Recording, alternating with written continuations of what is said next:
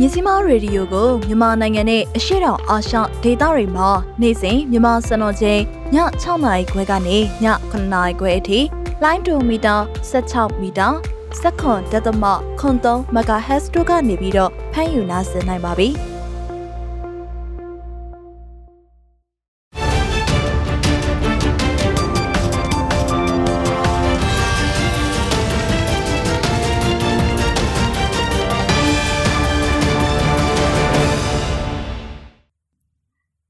လာပါရှင်မြန်မာနိုင်ငံသူနိုင်ငံသားတွေဘေးကင်းလုံခြုံပြီးစိတ်ချမ်းသာကိုကျမ်းမာစွာဖြတ်တန်းနိုင်ကြပါစေလို့မြစီမရေဒီယိုအဖွဲ့သူဖွဲ့သားတွေကဆုတောင်းမေတ္တာပို့လိုက်ရပါတယ်မြစီမရေဒီယိုရဲ့ဒီဇင်ဘာ3ရက်တောက်ကြနေ့ညသတင်းတွေကိုကျမဝေယမိုးမြင့်နဲ့မှုတို့ကတင်ဆက်ပေးမှာပါဒီနေ့ညရဲ့သတင်းတွေထဲမှာကလေးမျိုးနယ်ရွာတွေကိုမိရှို့နေတဲ့စစ်ကြောင်းမိုင်းခွဲခံရပြီးစစ်သား၃ဦးသေဆုံးသွားတဲ့တဲ့ ရန်ကုန်မန္တလေးအမြန်လမ်းပေါ်မှာစစ်ကောင်စီကမိုင်း6လုံးနဲ့တိုက်ခိုက်ခံရတဲ့တဲ့။မြိုင်မြို့နယ်ဗဟင်းရဲစခန်းကို PDF တွေဝင်ရောက်ပစ်ခတ်ရမှာအထိခိုက်ကြဆုံးတွေရှိနိုင်တယ်ဆိုတဲ့တဲ့။တထုံမြို့နယ်မှာ KTV ကပြန်လာတဲ့စစ်ကောင်စီအရာရှိကမိုင်းဆွဲတိုက်ခိုက်ခံရတဲ့တဲ့။ပြည်သူတွေလေကြောင်းနဲ့ခရီးမထွက်ကြဖို့ KMDF ကအထူးသတိပေးလိုက်တဲ့အကြောင်းရေဖြူမြို့နယ်မှာအုပ်ချုပ်ရေးမှူးတူအပြစ်ခံရပြီးသေဆုံးသွားတဲ့တဲ့။ ပလောဝမြို့နယ်မှာပြည်သူစစ်တင်နန်းတက်ရောက်ဖို့တရွာကို15ရောက်စရင်ပေးခိုင်းထားတဲ့အကြောင်းထောင်ဒဏ်နှစ်နှစ်ချမှတ်ခံထားရတဲ့သူတေတီကိုအောင်မျိုးထက်ကိုပြန်လွှတ်ပေးဖို့ ISP မြန်မာကတိုက်တွန်းလိုက်တဲ့အကြောင်း NUG ဝင်ကြီးတွေနဲ့ဥဆောင်အတိုက်အခံတွေရဲ့ passport တွေကိုစစ်ကောင်စီကရုပ်သိမ်းလိုက်တဲ့အကြောင်းစစ်ကောင်စီရဲ့နိုင်ငံသားရေးဝန်ကြီးကိုကမ္ဘောဒီးယားကဖိတ်ကြားထားတဲ့အကြောင်းစတဲ့သတင်းတွေကိုတင်ဆက်ပေးမှာပါ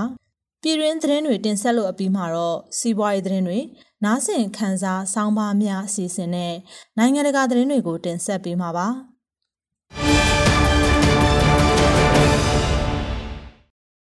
ကလေးမျိုးနဲ့လဲချားရွာရှားတော့ရွာနဲ့အနီးကျေးရွာတွေကိုမိရှို့သွားတဲ့စစ်ကောင်စီတပ်ကိုမိုင်းဆွဲတိုက်ခိုက်ခဲ့ပြီးစစ်သား3ဦးသေဆုံးသွားတယ်လို့ Ranger ကလေး Defense Force ကလေးပြည်သူ့ကာကွယ်ရေးတပ်ကထုတ်ပြန်ထားပါတယ်။ မြစ်တာမြစ်အရှိတ်ကမ်းပေါ်တနေရာမှာဒီဇင်ဘာ3ရက်ဒီနေ့မနက်8နာရီခွဲအချိန်က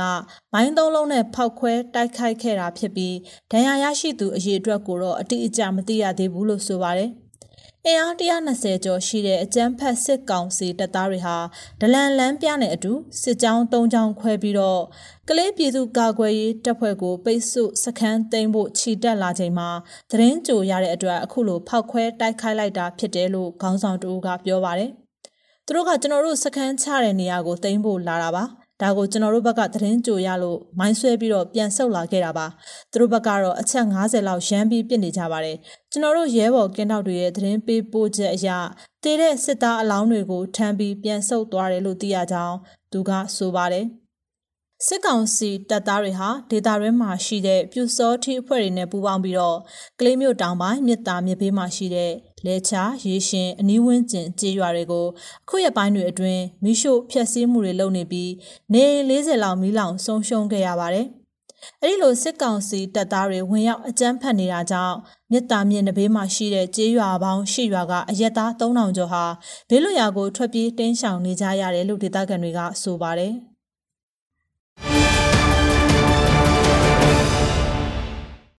ရန်ကုန်မန္တလေးအမြန်လန်းတိုင်းမောင်းနှင်လာတဲ့စစ်ကောင်စီကားကိုကြောက်စဲ KI ကာကွယ်ရေးတပ်ဖွဲ့ KTT Off နဲ့ People Defense Force ကြောက်စဲမဟာမိတ်ညီနောင်ပူးပေါင်းအဖွဲ့ကမိုင်းဆွဲတိုက်ခိုက်ခဲ့ကြောင်းထုတ်ပြန်ထားပါတယ်။ဒီဇင်ဘာလ2ရက်နေ့မွန်းလွဲတနာရီကျော်အချိန်ကမန္တလေးမြို့ဘက်ကိုဥတီမောင်းနှင်လာတဲ့လက်နက်ပြည့်စုံအင်အား30ကျော်လောက်လိုက်ပါလာတဲ့စစ်ကောင်စီကားကိုအမြန်လန်းမိုင်းတိုင်းအမှတ်343မိုင်5ဖာလုံးမှာဒေသခံကာကွယ်ရေးတပ်တွေကကားမိုင်း6လုံးဆွဲပြီးတော့တိုက်ခိုက်ခဲ့ကြောင်း People Defense Force ကြောက်စဲပြန်ကြားရေးတာဝန်ခံကပြောပါရယ်မနေ့ကသတင်းကြိုရလို့ကျွန်တော်တို့ကာမိုင်6လုံးထောင်ထားပြီးမိုင်းဆွဲတိုက်ခိုက်ခဲ့တယ်။သူတို့ကမန္တလေးမြင်းကြံဘက်တွေတွားရင်အမြန်လန်းကိုတုံးတာများတယ်။အဲ့ဒါကြောင့်ကျွန်တော်တို့စောင့်ပြီးမိုင်းဆွဲခဲ့တာလို့သူကဆိုပါတယ်။အဲ့ဒီလိုမိုင်းဆွဲမှုများဖြစ်ပွားတိုင်းစစ်ကောင်စီဘက်ကရန်တမ်းပစ်ခတ်မှုတွေပြုလုပ်လေရှိပေမဲ့လေအခုအခါအဲ့ဒီလိုပစ်ခတ်ခြင်းမပြုတာကြောင့်စစ်ကောင်စီဘက်မှအထိခိုက်များနိုင်ကြောင်းသူကသုံးသပ်ထားပါတယ်။ မနေ့ကကျွန်တော်တို့မိုင်းဆွဲပြီးပြီးချင်းသူတို့ဘက်ကအတန်နားထောင်သေးတယ်သူတို့ဘက်ကဘာတနက်တမှမကြဘူးကျွန်တော်တို့အထင်တော့ဒစည်းလုံးကြွသွားတယ်လို့ထင်နေကားဘလောက်အခြေအနေထိပျက်စီးသွားလဲတော့မမြင်လိုက်ရဘူးတကယ်လို့မသေးဘဲနဲ့ကြံတဲ့သူတွေရှိလဲကျွန်တော်တို့ဝင်ပစ်တယ်လက်နက်ကောက်မယ်ဆိုပြီးစီစဉ်ထားတာလို့ Pipan Defense Force ကြောက်စဲပြန်ကြားရေးတာဝန်ခံကရှင်းပြပါရယ်မိုင်းဆွဲမှုအပြီးစစ်ကောင်စီတပ်ဖွဲ့ဝင်တွေကိုပြစ်ခတ်ရှင်းလင်းလက်နက်ကောက်ဖို့စီစဉ်ထားပေမဲ့လည်း ပြည်သူတွေလိုက်ပါစီးနစ်လာတဲ့ Express ကမောင်းဝင်လာတာကြောင့်မဟာမိတ်ညီနောင်ပူးပေါင်းအဖွဲ့တွေအောင်မြင်စွာဆုတ်ခွာခဲ့ရကြောင်းသိရပါတယ်။အဲဒီလိုတိုက်ခိုက်ခံရပြီးတဲ့နောက်လူနာတင်ရင်တွေရောက်လာပြီးတော့စစ်ကောင်စီဘက်ကလမ်းတွေပိတ်ဆို့ရှောက်ဖွေစစ်ဆေးမှုတွေလုပ်ခဲ့ကြောင်းနဲ့ပြည်သူတွေထိခိုက်မှုမဖြစ်စေဖို့စစ်ကောင်စီတပ်ဖွဲ့ဝင်တွေနဲ့ဆက်ဆက်နေရာတွေကနေခတ်ခွာခွာနေပေးကြဖို့ကာကွယ်ရေးတပ်ကမြစ်တာရက်ခံထားပါတယ်။ စကိုင်းတိုင်းမြိုင်မြို့နယ်ဗဟင်းရဲစခန်းမှာတပ်ဆွဲထားတဲ့စစ်ကောင်စီတပ်သားတွေနဲ့ရဲတွေကိုဒီဇင်ဘာ2ရက်နေ့မနေ့ညနေ4နာရီအချိန်ကမြိုင် PDF ကဝင်ရောက်ပစ်ခတ်ခဲ့တယ်လို့သိရပါတယ်။အဲ့ဒီပစ်ခတ်မှုကြောင့်စစ်ကောင်စီနဲ့ရဲအများအပြားထိခိုက်ဒဏ်ရာရရှိနိုင်ပြီးတော့တေဆုံးမှုတွေလည်းရှိနိုင်တယ်လို့ဆိုပါတယ်။ကျွန်တော်တို့ကဝင်ပစ်တာပါ။သူတို့ကအဲ့မှာတက်ဆွဲထားတာကြာပါပြီ။အင်အား90လောက်တော့ရှိပါတယ်။ထိခိုက်ဒဏ်ရာရတာတော့များနိုင်ပါတယ်။ လောလောဆယ်တော့နှစ်ယောက်သေတယ်လို့သတင်းရထားတယ်လို့မြိုင် PDF ကဆိုပါတယ်။ဆိုပါပြစ်ခတ်မှုအပြီးမြိုင်ရဲစခန်းကနေစစ်ကူလာတဲ့စစ်ကောင်စီကားနဲ့အင်စီကားတွေကိုမိုင်းဆွဲတိုက်ခိုက်ခဲ့ရမှာကားနှစ်စီးစလုံးပျက်စီးသွားပေမဲ့လည်းကားကြီးကမြို့အတွင်းကိုပြန်ဝင်လာနိုင်ခဲ့ပြီးအင်စီကားကိုတော့အဲ့ဒီနေရာမှာပဲထားခဲ့တယ်လို့သိရပါတယ်။မွန်ပြည်နယ်တထုံမြို့နယ်မှာ KTV ကပြန်လာတဲ့အာနာသိန်းစစ်ကောင်စီရရှိကားကို ဒီဇင်ဘာလ2ရက်နေ့ည7:00နာရီခွဲကမိုင်းဆွဲတိုက်ခိုက်ခဲ့ကြောင်းမွန်တထုံအထူးကာကွယ်ရေးတပ်ဖွဲ့ MDHSF တာဝန်ရှိသူတို့ကမြစ်စီမာကိုပြောပါရယ်အာနာသိန်းစစ်ကောင်စီအရာရှိတအုပ်နဲ့နောက်ထပ်တအုပ်တို့စီးနင်းလာတဲ့ကားဟာတထုံမြို့နယ်မြင်းဒီကုန်းကျွော်မှာ Sunday KTV စားတောက်ဆိုင်ကနေအပြန်ရွှေဆိုင်ရန်ဖျားအနီးပဋိကတ်သုံးပုံအဝိုင်းနာမှာမိုင်းဆွဲတိုက်ခိုက်ခံခဲ့ရတာပါသူတို့မျိုးရဲ့အရောက်မှာမိုင်းဆွဲလိုက်တာကွဲတာကတထုံမျိုးလေကောင်တက်တဲ့ အဲ့ဒီမှာကညတိုင်းလိုလိုစစ်သားတွေကင်းပတ်တဲ့ကားရှိတယ်အဲ့ဒီနားမှာခွဲလိုက်တာကားပေါ်မှာကပစ္စတိုတနက်ကင်တဲ့အရာရှိနဲ့နောက်တစ်ယောက်ပါတယ်တေဖို့ကတော့85ရာခိုင်နှုန်းလောက်ရှိတယ်ညဆိုတော့အတိအကျမသိဘူးလို့ MDHSF တာဝန်ရှိသူကပြောပါတယ်အဲ့ဒီဘုံပေါက်ကွဲမှုဖြစ်ခဲ့တဲ့ကားကိုစစ်ကောင်စီတပ်ဖွဲ့ဝင်တွေကညတွင်ချင်းပြောင်းရွှေ့တဲဆောင်သွားကြောင်းလည်းသိရပါတယ်ဘုံပေါက်ကွဲပြီးတဲ့နောက်အာနာသိန်းစစ်ကောင်စီတပ်ဖွဲ့ဝင်တွေက Sunday KTV စားတောက်ဆိုင်ကိုတွားရောက်မှွေနောက်စစ်ဆေးမှုတွေလုပ်ပြီးတော့ KTV ဆိုင်ပိုင်ရှင်ရဲ့သားဖြစ်သူအပါအဝင်စားတောက်ဆိုင်ဝန်ထမ်းတွေကိုဖမ်းဆီးခေါ်ဆောင်သွားကြောင်းလဲစုံစမ်းသိရှိရပါတယ်။ဘုံပေါက်ပြီးတဲ့နောက်မှာ KTV ဆိုင်ကိုတွားမှွေကြတဲ့ဝန်ထမ်းတွေကိုဖမ်းသွားတယ်လို့သိရတယ်။အဖမ်းခံရတဲ့အဲ့ဒီလူတွေနဲ့ဘုံပေါက်ကွဲတာနဲ့ဘာမှမဆိုင်ဘူး။မဆိုင်တဲ့လူတွေကိုသူတို့ဖမ်းသွားတယ်လို့သိရတယ်။မိန်းကလေးတွေကိုပါဖမ်းသွားတယ်လို့ကြားတယ်လို့ MDHSF အဖွဲ့ဝင်ကပြောပါတယ်။ ကရင်ပြည်နယ်အတွင်းမှာရှိတဲ့ပြည်သူတွေအနေနဲ့စစ်ကောင်စီထိန်းချုပ်ထားတဲ့လေကြောင်းနဲ့ခရီးမထွက်ကြဖို့အထူးသဖြင့်မြန်မာအမျိုးသားလေကြောင်းလိုင်း MMA နဲ့ခရီးမထွက်ဖို့ကရင်အမျိုးသားကာကွယ်ရေးတပ် KMDF ကဒီဇင်ဘာ3ရက်ဒီနေ့မှာသတိပေးလိုက်ပါတယ်။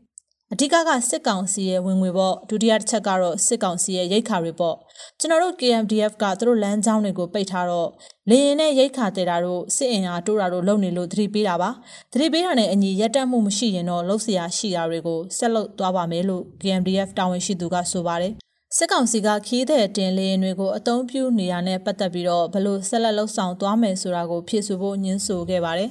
သူတို့ကအရက်ဝတ်စစ်သားတွေကိုပို့တာစစ်သားတွေရဲ့အိတ်တွေထဲမှာရိတ်ခါတဲတာတွေကိုလုပ်ပါတယ်ပြီးတော့လေရင်ကလဲပတ်နေတော့စစ်ကောင်စီရန်နေရကလဲပတ်နေသလိုဖြစ်နေတာပေါ့လို့ KMDF တာဝန်ရှိသူကအတည်ပြုပြောဆိုပါတယ် MNA လေကြောင်းလိုင်းအနေနဲ့လွိုင်ကော်မြို့ကိုနေ့စဉ်ပြန်တန်းပြေးဆွဲနေပြီးအဲ့ဒီခီးစဉ်တွေအတွင်းမှာကင်းဒီပြည်သူတွေလိုက်ပါစီးနင်းနေကြတာကိုသိရကြောင်း KMDF ကထုတ်ပြန်ထားပါတယ်။အဲဒါကြောင့် MNA လေကြောင်းလိုင်းဟာအကြမ်းဖက်စစ်ကောင်စီအတွက်ဝင်ငွေရနေတဲ့အပြင်စစ်ရေးအရအသုံးပြုနေတဲ့လေကြောင်းလိုင်းဖြစ်တဲ့အလျောက်ပြည်သူတွေလိုက်ပါစီးနှင်းကြတာတွေမလုပ်ဖို့သတိပေးလိုက်တာပါနိုင်ငံတော်ရဲ့အချုပ်အခြာအာဏာကိုလက်နက်အားကိုအကြမ်းဖက်သိမ်းယူလိုက်တဲ့ဖေဖော်ဝါရီလရက်နေ့ကစပြီးတော့နိုင်ငံဗဏ္ဍာငွေဗဏ္ဍာငွေဝင်တဲ့အရင်းမြစ်တွေဖြစ်တဲ့နိုင်ငံပိုင်စီးပွားရေးလုပ်ငန်းတွေအားလုံးကိုအကြမ်းဖက်ဆေးအုပ်စုကထိန်းချုပ်ထားကြောင်းကင်းနီပြည်သူ့ကာကွယ်ရေးအဖွဲ့ရဲ့ဒီနေ့ထုတ်ပြန်ချက်မှာပါရှိပါတယ်။ အဆိုပါစီးပွားရေးလုပ်ငန်းတွေကရရှိတဲ့ဗဏ္ဍာငွေတွေကိုအသုံးပြုပြီးတော့စစ်ဗျူရိုကရက်ရန်ရာကိုလဲပတ်နေပြီးပြည်သူလူထုကိုဖိနှိပ်တာတော်လှန်ရေးအင်အားစုတွေကိုတိုက်ခိုက်ဖြိုခွင်းတာတွေကိုလှုံ့ဆော်နေတာပါဒါအပြင်လွိုက်ကော်လေးစိတ်မှာလည်းအကြမ်းဖက်စစ်ကောင်စီရဲ့စစ်လေရင်တွေဆင်းသက်နေတာကြောင့်ပြည်သူလူထုအနေနဲ့လုံခြုံရေးအသည့်နဲ့လေကြောင်းနဲ့ခီးမထွက်ကြဖို့ကိုလည်းအထူးတိုက်တွန်းကြောင်း KMDF ကသတိပေးထုတ်ပြန်ခဲ့ပါတယ်။ တနင်္သာရီတိုင်းဒဝဲခရိုင်ရေဖြူမြို့နယ်စန်းသေးကျေးရွာအုပ်ချုပ်ရေးမှူးဒီကနေ့ဒီဇင်ဘာလ3ရက်နေ့မနက်6နာရီဝန်းကျင်မှာပြစ်ခတ်ခံရပြီးတေဆုံးသွားကြောင်းဒေသခံတွေထံကနေသိရပါဗျ။စစ်ကောင်စီခန့်အုပ်ချုပ်ရေးမှူးဖြစ်သူဦးစိုးနိုင်ခေါ်အာလူးဆိုသူဖြစ်ပြီးနေအိမ်မှာရှိနေတဲ့အချိန်မှာပြစ်ခတ်ခံခဲ့ရတာဖြစ်တယ်လို့ဒေသခံကပြောပါဗျ။ဦးစိုးနိုင်ဟာကျေးရွာမှာစစ်ကောင်စီတပ်ဖွဲ့ထံသတင်းပေးနေသူဒလန်ဖြစ်နာမည်ကြီးသူဖြစ်ကြောင်းလဲကျေးရွာနေပြည်သူတွေကဆိုပါဗျ။ ဘယ်အဖွဲ့ကပြစ်ခတ်ခဲ့တဲ့ဆိုတာကိုတော့မသိရှိရသေးပါဘူး။စစ်ကောင်စီတပ်ဖွဲ့တွေကကြေးရွာကိုလာရောက်စစ်ဆေးမှုတွေပြုလုပ်နေပြီးတော့အလောင်းကိုရေဖြူမြို့နယ်စေယုံကိုပို့ဆောင်ထားကြောင်းသိရပါတယ်။ချင်းပြည်နယ်ပလောဝမြို့နယ်အတွင်းမှာရှိတဲ့ကြေးရွာတချို့ကအုပ်ချုပ်ရေးမှုတွေကိုဆင့်ခေါ်ပြီးပြည်သူစစ်တင်နန်းတက်ရောက်ဖို့အတွက်ကြေးရွာတရွာကို15ဦးစီဒီဇင်ဘာ3ရက်နေ့နောက်ဆုံးထားစည်ရင်ပေးရမယ်လို့တောင်းခံထားပါတယ်။ စစ်ကောင်စီတပ်ရဲ့တပ်မ17တပ်မမှုကနိုဝင်ဘာ26ရက်နေ့မှာစေမှုရိုင်မှုတွေနဲ့အုပ်ချုပ်ရေးမှုတွေနဲ့တွေ့ဆုံရမှာပြည်သူစစ်တင်နန်းတက်ရောက်သူတွေစည်ရင်ကိုတောင်းဆိုလိုက်ပြီးမတက်မနေရလို့မှားလိုက်ပါတယ်။နေမြေခံတရင်ဖြစ်တဲ့နှစ်ရှစ်ကိုတရင်မှာတက်မှမှုကခေါ်တွေ့ပါတယ်။14ရက်ပြည်သူစစ်တင်နန်းရက်တူတက်ရမယ်။တရွာကို15ဦးစီစည်ရင်ပေးရမယ်လို့ခေါ်ပြီးပြောပါတယ်။မတက်မနေရသဘောမျိုးပြောတာပါလို့ရွာသားတို့ကပြောပါတယ်။ လက်တလောခေါ်ယူထားတဲ့ကြေးရွာတွေဟာတမန်းသားအုပ်စုကစီဖလောင်အန်ခိုတမန်းသား၃ရွာစိန်စင်အုပ်စုလေးရွာကင်ဝရက်ကွက်စတဲ့နှစ်ရွာဖြစ်ပါတယ်အဆိုပါရွာတွေဟာပလက်ဝအခြေချနယ်မြေကန်289တရင်အနီးနားမှာတည်ရှိတဲ့ရွာတွေဖြစ်ကြပါတယ်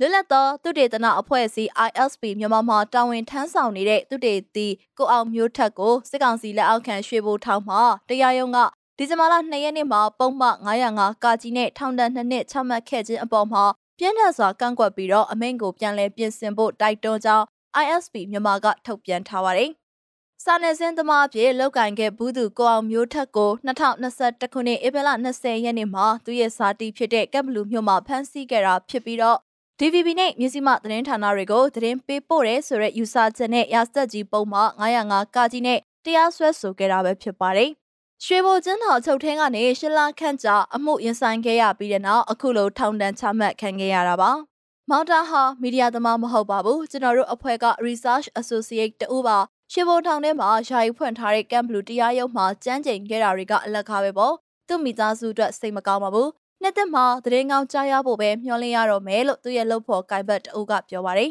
။လွတ်လပ်စွာထုတ်ဖော်ပြောဆိုခွင့် freedom of expression ဖိနှိပ်ခံရချိန်မှာကိုအောင်မျိုးထက်ကိုထောင်ဒဏ်နှစ်နှစ်ချမှတ်လိုက်ခြင်းဟာမြန်မာနိုင်ငံမှာသတင်းမီဒီယာလွတ်လပ်ခွင့်ကင်းမဲ့နေတာကိုထပ်မံပြဆိုလိုက်တဲ့တာတကတစ်ခုဖြစ်ပြီးတော့အခုချမှတ်လိုက်တဲ့အမိန့်ကိုပြန်လည်ပြင်ဆင်ဖို့ ISP မြန်မာကအလေးနက်ကိုတိုက်တွန်းကြောင်းထုတ်ပြန်ချက်ထဲမှာပါရှိပါတယ်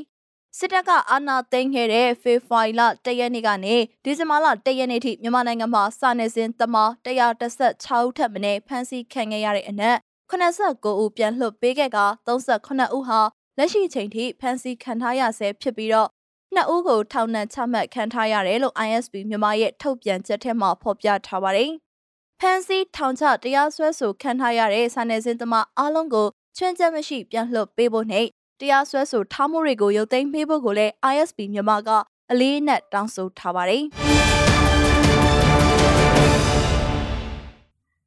ရတာအစိုးရဖြစ်တဲ့အမျိုးသားညီညွတ်ရေးအစိုးရ NUG ကဝန်ကြီးတွေနဲ့အထင်ကြီးဒီမိုကရေစီတက်ကြွလှုပ်ရှားသူတွေအပါအဝင်ဖြစ်တဲ့ဥဆောင်အတိုက်အခံဒါဇင်များစွာရဲ့ passport ကိုစစ်ကောင်စီကရုပ်သိမ်းလိုက်ပါတယ်။ စစ်ကောင်စီတွေအနေနဲ့အဆိုပါပုံကိုယ်တွေခီးသွားလာတာကိုဖေဖော်ဝါရီ၁ရက်နေ့အာဏာသိမ်းမှုကိုစန့်ကျင်တဲ့လှုပ်ရှားမှုတွေကနေရပ်တန့်ပစ်နိုင်ဖို့စ조사နေပုံရပါတယ်။ကမ်ဘရာမှာရှိတဲ့မြန်မာတန်ယုံထံကတတမန်မစ်ရှင်တွေအပြင်နိုင်ငံသားရေးနဲ့ကုန်သွယ်ရေးဝန်ကြီးဌာနကိုပေးပို့တဲ့မှတ်တမ်းမှတ်ရာခုနှစ်ခုကို ABC News ကလက်ခံရရှိခြင်းဖြင့်သိရှိရတာဖြစ်ပါတယ်။အဆိုပါမှတ်တမ်းတွေမှာမြန်မာနိုင်ငံသား80နီးပါးရဲ့အမည်တွေပါရှိပါတယ်။အဲ့ဒီနဲ့ NUG နိုင်ငံသားရေးဝန်ကြီးဒေါ်စင်မအောင် NLD လွှတ်တော်အမတ်ဦးအောင်ကျင်ညွန့်တို့အပါအဝင် အထင်ကရအယက်သားနိုင်ငံရေးသမားတွေနဲ့စစ်အစိုးရကိုစန့်ကျင်သူတွေရဲ့ကိုယ်ရေးအချက်အလက်တွေ passport နံပါတ်တွေပါရှိပါတယ်။အဲ့ဒီမှတ်တမ်းမှာအောက်ပါ passport များကိုပယ်ဖြတ်ကာတရားမဝင်ကြောင်းကြေညာအပ်ပါတယ်လို့ဖော်ပြပါရှိပါတယ်။အဲ့ဒီအတွက်တန်ယုံအနေနဲ့ဖော်ပြပါ passport တွေကိုပယ်ဖြတ်စရင်အဖြစ်သိမှတ်ထားရမယ်လို့လည်း ရေးသားဖော်ပြထားပါတယ်။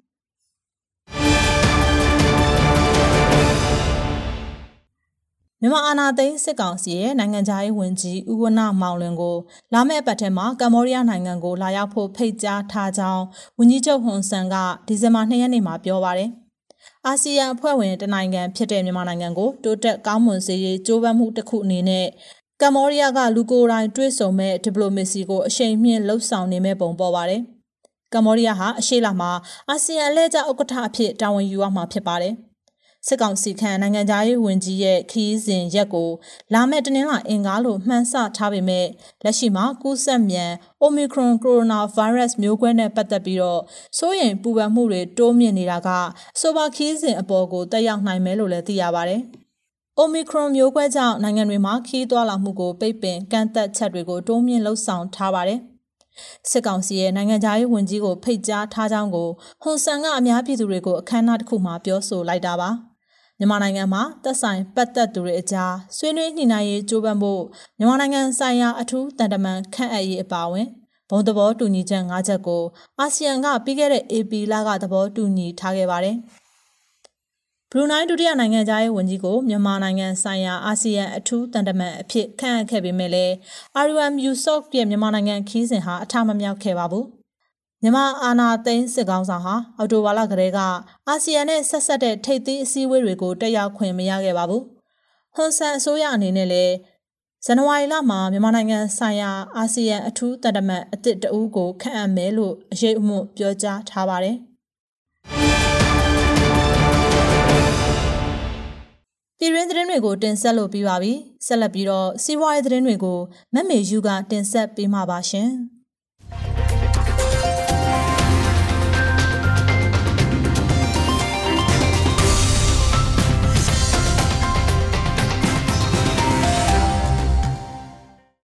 စီးပွားရေးသတင်းတွေကိုစတင်နာဆင်ရမှာဖြစ်ပါတယ်စစ်ကောင်စီကိုအခွန်ဆောင်နေတဲ့အပေါ်မှာတိုတက်ကုမ္ပဏီပြင်းပြင်းထန်ထန်ဝေဖန်ခံနေရကြောင်းသိရပါတယ်ရေနံထုတ်လုပ်တဲ့ပြင်သစ်နိုင်ငံအခြေစိုက်တိုတက်ကုမ္ပဏီဟာမြန်မာနိုင်ငံမှာသူတို့ရဲ့လုပ်ငန်းတွေဆက်လက်လဲပတ်နေပြီးစစ်ကောင်စီစီမအခွန်ဆောင်နေတဲ့အပေါ်ပြင်းပြင်းထန်ထန်ဝေဖန်ခံနေရပါတယ်သွေးစွန်းငွေလှုပ်ရှားမှုလို့ခေါ်တဲ့ Blood Money Campaign ကနေ တိုတယ်နဲ့သူ့ရဲ့လက်ခွဲကန်ထရိုက်ယူထားတဲ့ကုမ္ပဏီတွေဟာအလုပ်သမားတွေရဲ့သဘောထားကိုမေးမြန်းပြီးနိုဝင်ဘာလအတွင်းအစီရင်ခံစာတစ်စောင်ထုတ်ပြန်ခဲ့တာပါတိုတယ်အနေနဲ့အလုပ်သမားတွေကိုအထမအလုပ်ခိုင်းစေခြင်းကနေကာကွယ်ဖို့နဲ့လျှက်စစ်တပ်အားထောက်ပံ့မှုကိုထိန်းထားနိုင်ဖို့မြန်မာနိုင်ငံမှာတံငွေဆက်လက်ထုတ်လုပ်ပြီးစစ်အစိုးရကိုအခွန်တွေဆက်လက်ပေးသွင်းနေအောင်ပဲဆိုပြီးကုမ္ပဏီအမှုဆောင်အရာရှိချုပ်ဟာပြီးခဲ့တဲ့ဧပြီလမှာပြောကြားခဲ့တယ်ဆိုပြီးသိရပါတယ်။ အခုလက်ရှိထွက်ရှိလာတဲ့အစီရင်ခံစာမှာတော့အလုပ်သမားတွေကသူတို့ရဲ့လုံခြုံရေးအတွက်စစ်ကောင်စီကိုတိုတယ်ကုမ္ပဏီကငွေပေးချေမှုကိုဆက်လက်ဆောင်ရွက်နေတာဟာမှန်ကန်တဲ့အကြောင်းပြချက်မဟုတ်ဘူးဆိုပြီး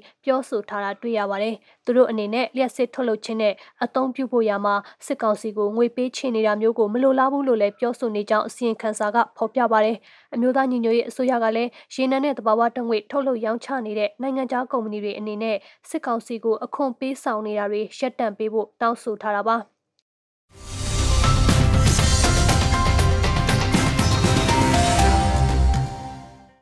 ဆလဘီနာဆင်ရမှာကတော့မြန်မာနိုင်ငံလူဦးရေရဲ့ထက်ဝက်နီးပါးဆင်းရဲတွင်းနဲ့ကြာရောက်မယ်ဆိုတဲ့သတင်းပဲဖြစ်ပါတယ်။ ကိုဗစ်ကပ်ရောဂါကြောင့်နဲ့စစ်တပ်ကအာဏာသိမ်းလိုက်လို့ဖြစ်ပေါ်လာတဲ့နိုင်ငံရေးမတည်ငြိမ်မှုတွေကြောင့်လွန်ခဲ့တဲ့9နှစ်ကထက်စီးပွားရေးကျဆင်းလာမယ်ဆိုပြီးလာမယ့်နှစ်အစောပိုင်းမှာမြန်မာနိုင်ငံလူဦးရေရဲ့ထက်ဝက်နီးပါးဆင်းရဲတွင်းနဲ့ကြာရောက်နိုင်ကြောင်းကုလသမဂ္ဂဖွံ့ဖြိုးတိုးတက်ရေးအစီအစဉ် UNDP ကခန့်မှန်းပြောဆိုလိုက်တာပါတရက်ကိုဝင်ငွေ1590ကျပ်3.63ဒေါ်လာရရှိပြီး UNDP ကသတ်မှတ်တဲ့ဆင်းရဲနွမ်းပါမှုမြင့်အောက်နေထိုင်သူအရေအတွက်ဟာတနိုင်ငံလုံးမှာ2018ခုနှစ်က24.8ရာခိုင်နှုန်းရှိရာကနေ46.3ရာခိုင်နှုန်းကိုနှစ်ဆနီးပါးတိုးလာမယ်လို့လည်းဆိုထားပါတယ်။မြို့ပြဒေသတွေမှာ2018ခုနှစ်က17.3ရာခိုင်နှုန်းထက်2022အစောပိုင်းမှာ39.2ရာခိုင်နှုန်းဟာဆင်းရဲတွင်းကိုကျရောက်သွားမှလို့သိရပြီးပို့ပြီးတော့တုံ့လှုပ်เสียဖြစ်တဲ့ဆိုပြီးလဲဆိုပါတယ်။ စင်းရဲမွဲတည်မှုတဲ့ကြာရောက်သွားတဲ့ထဲမှာလူလက်တန်းစားတွေလည်းပါဝင်ကြောင်း UNDP အာရှနဲ့ပစိဖိတ်ဒေသဆိုင်ရာဗျူရိုရဲ့ဒါရိုက်တာခန်နီဝစ်နာရာဂျာက Nikki Asia သတင်းဌာနကိုနိုဝင်ဘာလ30ရက်နေ့မှာပြောဆိုထားတာတွေ့ရပါတယ်။လူလက်တန်းစားတွေဟာပုံမှန်အဖြစ်စီးပွားရေးတစ်ခုမှာတိုးတက်မှုကိုအားကောင်းစေတာဖြစ်ပြီးလူလက်တန်းစားတွေရဲ့သုံးစွဲမှုဟာအလို့အကင်တစ်တွေလုပ်ငန်းအသစ်တွေကိုဖန်တီးပေးနိုင်လိမ့်မယ်ဆိုပြီးလည်းပြောပါတယ်။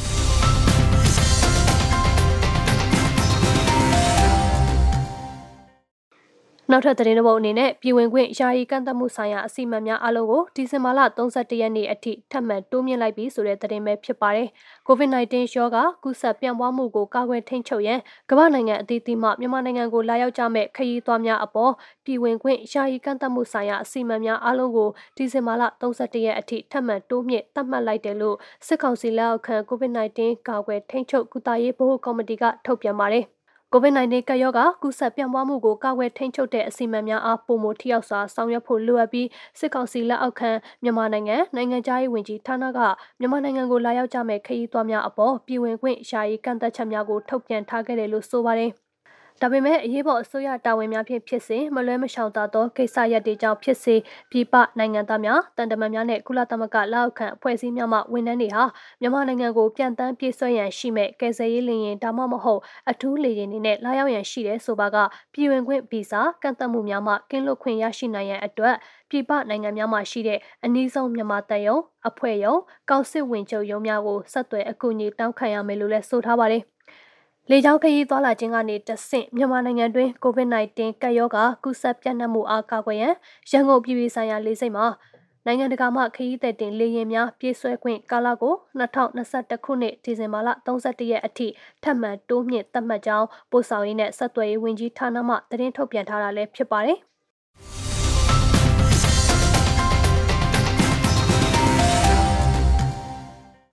အခုနောက်ဆုံးအနေနဲ့မပဲတတန်ကိုကြက် တသန်၄သိန်း2000ခွဲအထိဈေးနှုန်းမြင့်တက်သွားတဲ့သတင်းကိုနားဆင်ရမှာပါလက်ရှိမှာမပဲတတန်ကိုကြက်တသန်၄သိန်း2000ခွဲအထိဈေးနှုန်းမြင့်တက်နေကြောင်းဘီရင်နောင်ကုန်စည်တိုင်းကထုတ်ပြန်တဲ့ဈေးကွက်အချက်လက်တွေကနေသိရပါတယ်။ပြီးခဲ့တဲ့နိုဝင်ဘာလ20ရက်နေ့ကပြည်တွင်းဈေးကွက်မှာမပဲတရန်ပေါက်ဈေးဟာကျပ်တသန်3သိန်း8000ခန့်ရှိခဲ့ပါတယ်။တပတ်အတွင်းမပဲတဒန်ဈေးဟာကျပ်4000ခန့်မြင့်တက်သွားတာဖြစ်ပြီးဈေးကွက်မှာကြီးမားတဲ့တက်ရောက်မှုတော့မရှိဘူးလို့သိရပါတယ်။ အဓိကဝယ်လက်ဖြစ်နေတဲ့အိန္ဒိယရဲ့ဒီနှစ်ရာသီဥတုအခြေအနေနဲ့ဈေးကွက်လိုအပ်ချက်အရာမပဲပေါ်ချိန်မှာဈေးနှုန်းအလွန်အမင်းကျဆင်းနိုင်ခြင်းမရှိဘဲပြည်တွင်းမပဲလက်ကျန်နှဲပါနေခြင်းတို့ကြောင့်ဈေးကောင်းရရှိနိုင်မယ်ဆိုပြီးလည်းခန့်မှန်းထားပါတယ်ဒီနှစ်မပဲဆိုင်ရာတင်မှာတောင်သူတွေအနေနဲ့မျိုးအပါဝင်တွင်းအားစုများတည်ယူပို့ဆောင်ကလောင်စာစီစေးအစရှိတာတွေကိုဈေးနှုန်းအမြင့်နဲ့ဝယ်ယူသုံးစွဲနေရလို့အရင်နှစ်တွေကထက်အကျိုးအမြတ်ရရှိမှုတော့နှဲပါနိုင်ကြောင်းသိရပါတယ်ဒီကနေ့အတွက်စီးပွားရေးသတင်းတွေကတော့ဒီလောက်ပါပဲရှင်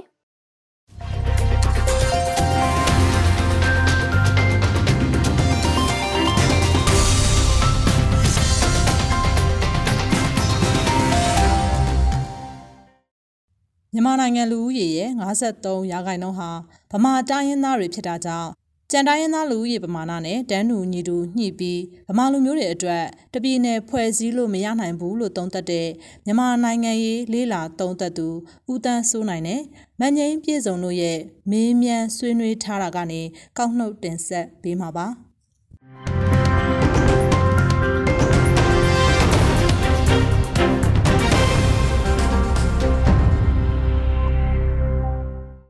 ကျမတို့မြန်မာနိုင်ငံကိုလွတ်လပ်ရေးရပြီးချိန်မှာ Federal ပြည်ထောင်စုတည်ဆောက်နိုင်ဖို့အတွက်လွတ်လပ်ရေးမရမီအချိန်ကလေးကတိုင်းရင်းသားခေါင်းဆောင်တွေအပါအဝင်နိုင်ငံရေးခေါင်းဆောင်တွေကအင်တိုက်အားတိုက်ကြိုးပမ်းတာတွေရှိခဲ့ပါတယ်။ဒါပေမဲ့ဒီကနေ့အထိ Federal ပြည်ထောင်စုကိုအကောင့်ထဲမပေါ်နိုင်သေးပါဘူး။ Federal ပြည်ထောင်စုတည်ဆောက်ဖို့အတွက်ရခိုင်ကဘာတွေလှုပ်ဆောင်ခဲ့တယ်လဲ။လက်ရှိမှာရောဘာတွေလုပ်နေတယ်လဲ။ရခိုင်ကဘာကြောင့်မအောင်မြင်ခဲ့တာလဲ။ အတိတ်ကလှုပ်ဆောင်ခဲ့တာတွေတွေကဘာတွေကိုသင်ခန်းစာယူနိုင်မလဲဆိုတာတွေကိုသိနိုင်ဖို့အတွက် Federal လှုပ်ရှားမှုမှာပါဝင်ခဲ့တဲ့ယခုလက်ရှိမှာလည်းပါဝင်နေစေဖြစ်တဲ့နိုင်ငံရေးခေါင်းဆောင်တွေနဲ့မေးမြန်းတင်ဆက်သွားမှာဖြစ်ပါတယ်။ဒီကနေ့ interview အစီအစဉ်အတွက်တော့ဦးတန်းစိုးနိုင်ကိုကျွန်မဖိတ်ခေါ်ထားပါတယ်။ဦးတန်းစိုးနိုင်ဟာဆိုရင်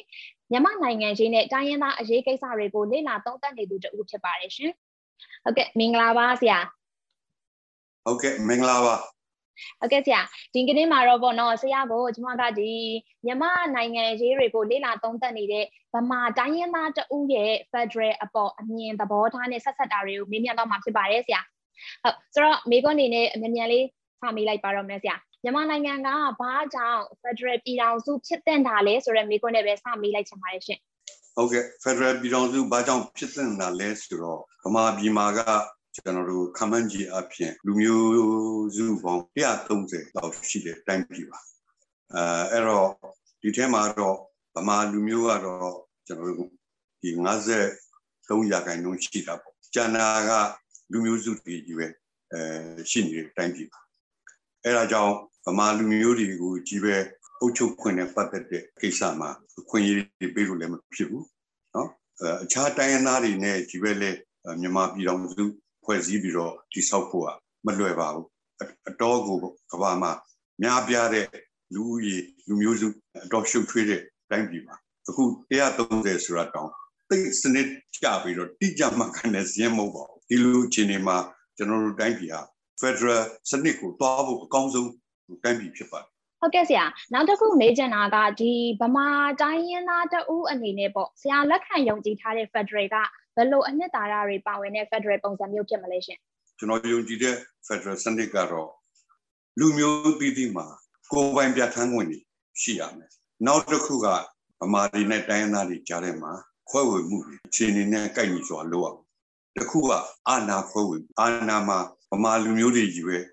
အာနာအပြည့်စုံပေးထားပြီးတိုင်းရင်းသားတွေအာနာမှာပေးလို့လည်းမရအောင်တိုင်းရင်းသားတွေကြီးပဲအာနာပေးပြီးတော့ဗမာလူမျိုးတွေကိုအာနာခွင့်ကနေပြစ်ပယ်ထားလို့လည်းမရအောင် အဲ့တော့အာနာခွဲဝေမှုဟာတပြည်လုံးမှာရှိတဲ့ပြည်သူလူထုရဲ့သဘောဆန္ဒနဲ့ကိုက်ညီတဲ့ချိုးစားညီတဲ့ခွဲဝေမှုဖြစ်ရမယ်နောက်တစ်ခုတရားဇာတာခွဲဝေမှုတရားဇာတာခွဲဝေမှုဆိုတာကပို့ပြီးတော့ကျွန်တော်တို့တိုင်းပြည်မှာအရေးကြီးပါတယ်ဘာဖြစ်လို့လဲဆိုတော့တရားဇာတအများစုပြောရလို့ရှိရင်ပြည်နယ်တွေမှာရှိတာပြည်နယ်တွေကနေပြီးတော့ကျွန်တော်တို့ဘိုးဆိုးကနေပြီးတော့ဒီစီးပွားရေးလုပ်ငန်းတွေထူထောင်တဲ့အခါမှာ ဒီစီးပွားရေးလုပ်ငန်းတွေရပြီးရတဲ့အကျိုးမြတ်တွေကိုဘယ်လိုမျှမျှတာတာခိုးဝေပါလဲလို့မေးခွန်းရှိပါတယ်အဲ့ဒီမေးခွန်းနဲ့ပတ်သက်လို့အနည်း80လုံးလုံးတော့မမျှတာတဲ့အတွက်ကျွန်တော်တို့တိုင်းပြည်မှာတိုင်းရင်းသားတွေရဲ့ Federal တောင်းဆိုမှုခွင့်ရဖြစ်ခဲ့တာဥပမာဆိုကြပါစို့လော်ဘီတာမှာကျွန်တော်တို့တပြည်လုံးကိုပို့တယ်ရက်စစ်စက်ရုံကြီး1960ခုနှစ်ကတည်းကထောက်တာဒါပေမဲ့လောဘီတာ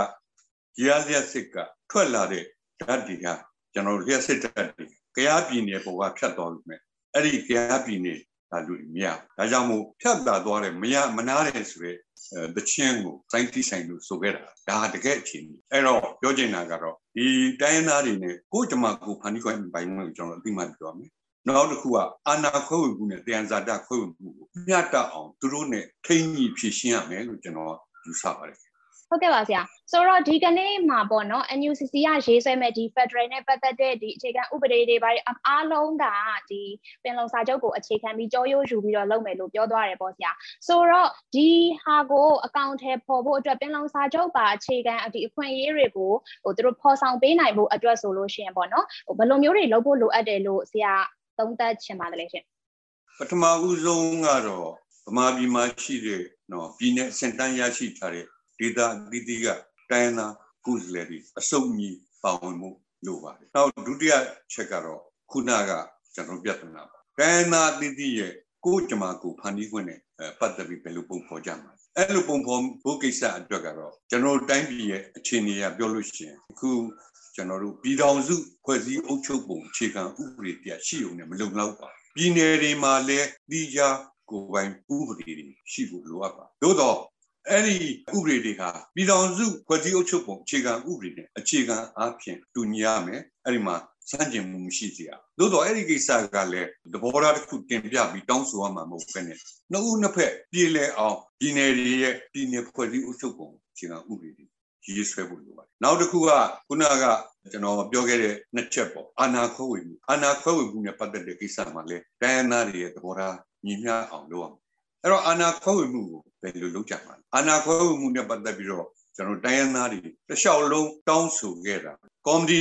အဲလွတ်တော်ညှက်ထားမယ်တိုင်းရင်းသားတွေပါဝင်တဲ့လွတ်တော်နဲ့ပြည်သူလွတ်တော်အဲ့ဒီပြည်သူလွတ်တော်နဲ့တိုင်းရင်းသားလွတ်တော်တွေဟာအရေးအတွက်ရဒန်းတူမှုရှိရနောက်တစ်ခုကခွင့်အာဏာဒီမြဲအရင်တော့ရှိခဲ့တဲ့လွတ်တော်ညှက်တော်ပမာမျိုးရှိခဲ့ပါ ဒါပေမဲ့အမျိုးသားလွတ်တော်ဆိုတာဟာပြည်သူလွတ်တော်ကိုဘယ်တော့မှလွှမ်းမိုးနိုင်တဲ့အခြေအနေအခွင့်အာဏာရလည်းမရှိဘူးအရေးအတွက်ရလည်းမရှိအဲ့ဒါတွေပြင်ရပါနောက်တစ်ခုကတော့တရားဇာတာခွဲဝေတရားဇာတာခွဲဝေရေးနဲ့ပတ်သက်တဲ့ကိစ္စမှာတရားဇာတာပစ္စည်းအများစုကပြည်နယ်မှာရှိနေတဲ့ သက်ဆိုင်ရာပြည်နယ်တွေနဲ့တရားဇာတာခွဲဝေရေးမှာအချိုးမြတ်မြတ်တရလုပ်ဖို့လိုပါပြီးခဲ့တဲ့ကာလတစ်လျှောက်လုံးကကျွန်တော်တို့ကနိုင်ငံတကာအရေးကြီးတဲ့စီမံကိန်းတွေမှန်သမျှကျွန်တော်တို့ပြည်တော်စုအစိုးရအဖွဲ့ကဆုံးဖြတ်တတ်ထမ်းခဲ့တာပြည်နယ်တွေရဲ့သဘောထားပါခဲ့ပါဘူးနောက်တစ်ခုအဲ့ဒီကစီမံကိန်းကြီးတွေကနေပြီးတော့ရရှိလာတဲ့အကျိုးမြတ်ကိုပြည်နယ်တွေခံစား권မပေးခဲ့ပါဘူးရေဘူးကခြုံပြောရရင်မပေးခဲ့ဘူးလို့ပြောရမယ်ပေးရလို့ပေးတယ်ဆိုလို့ရှိရင်လည်းဟိုအနေချင်းနော်မ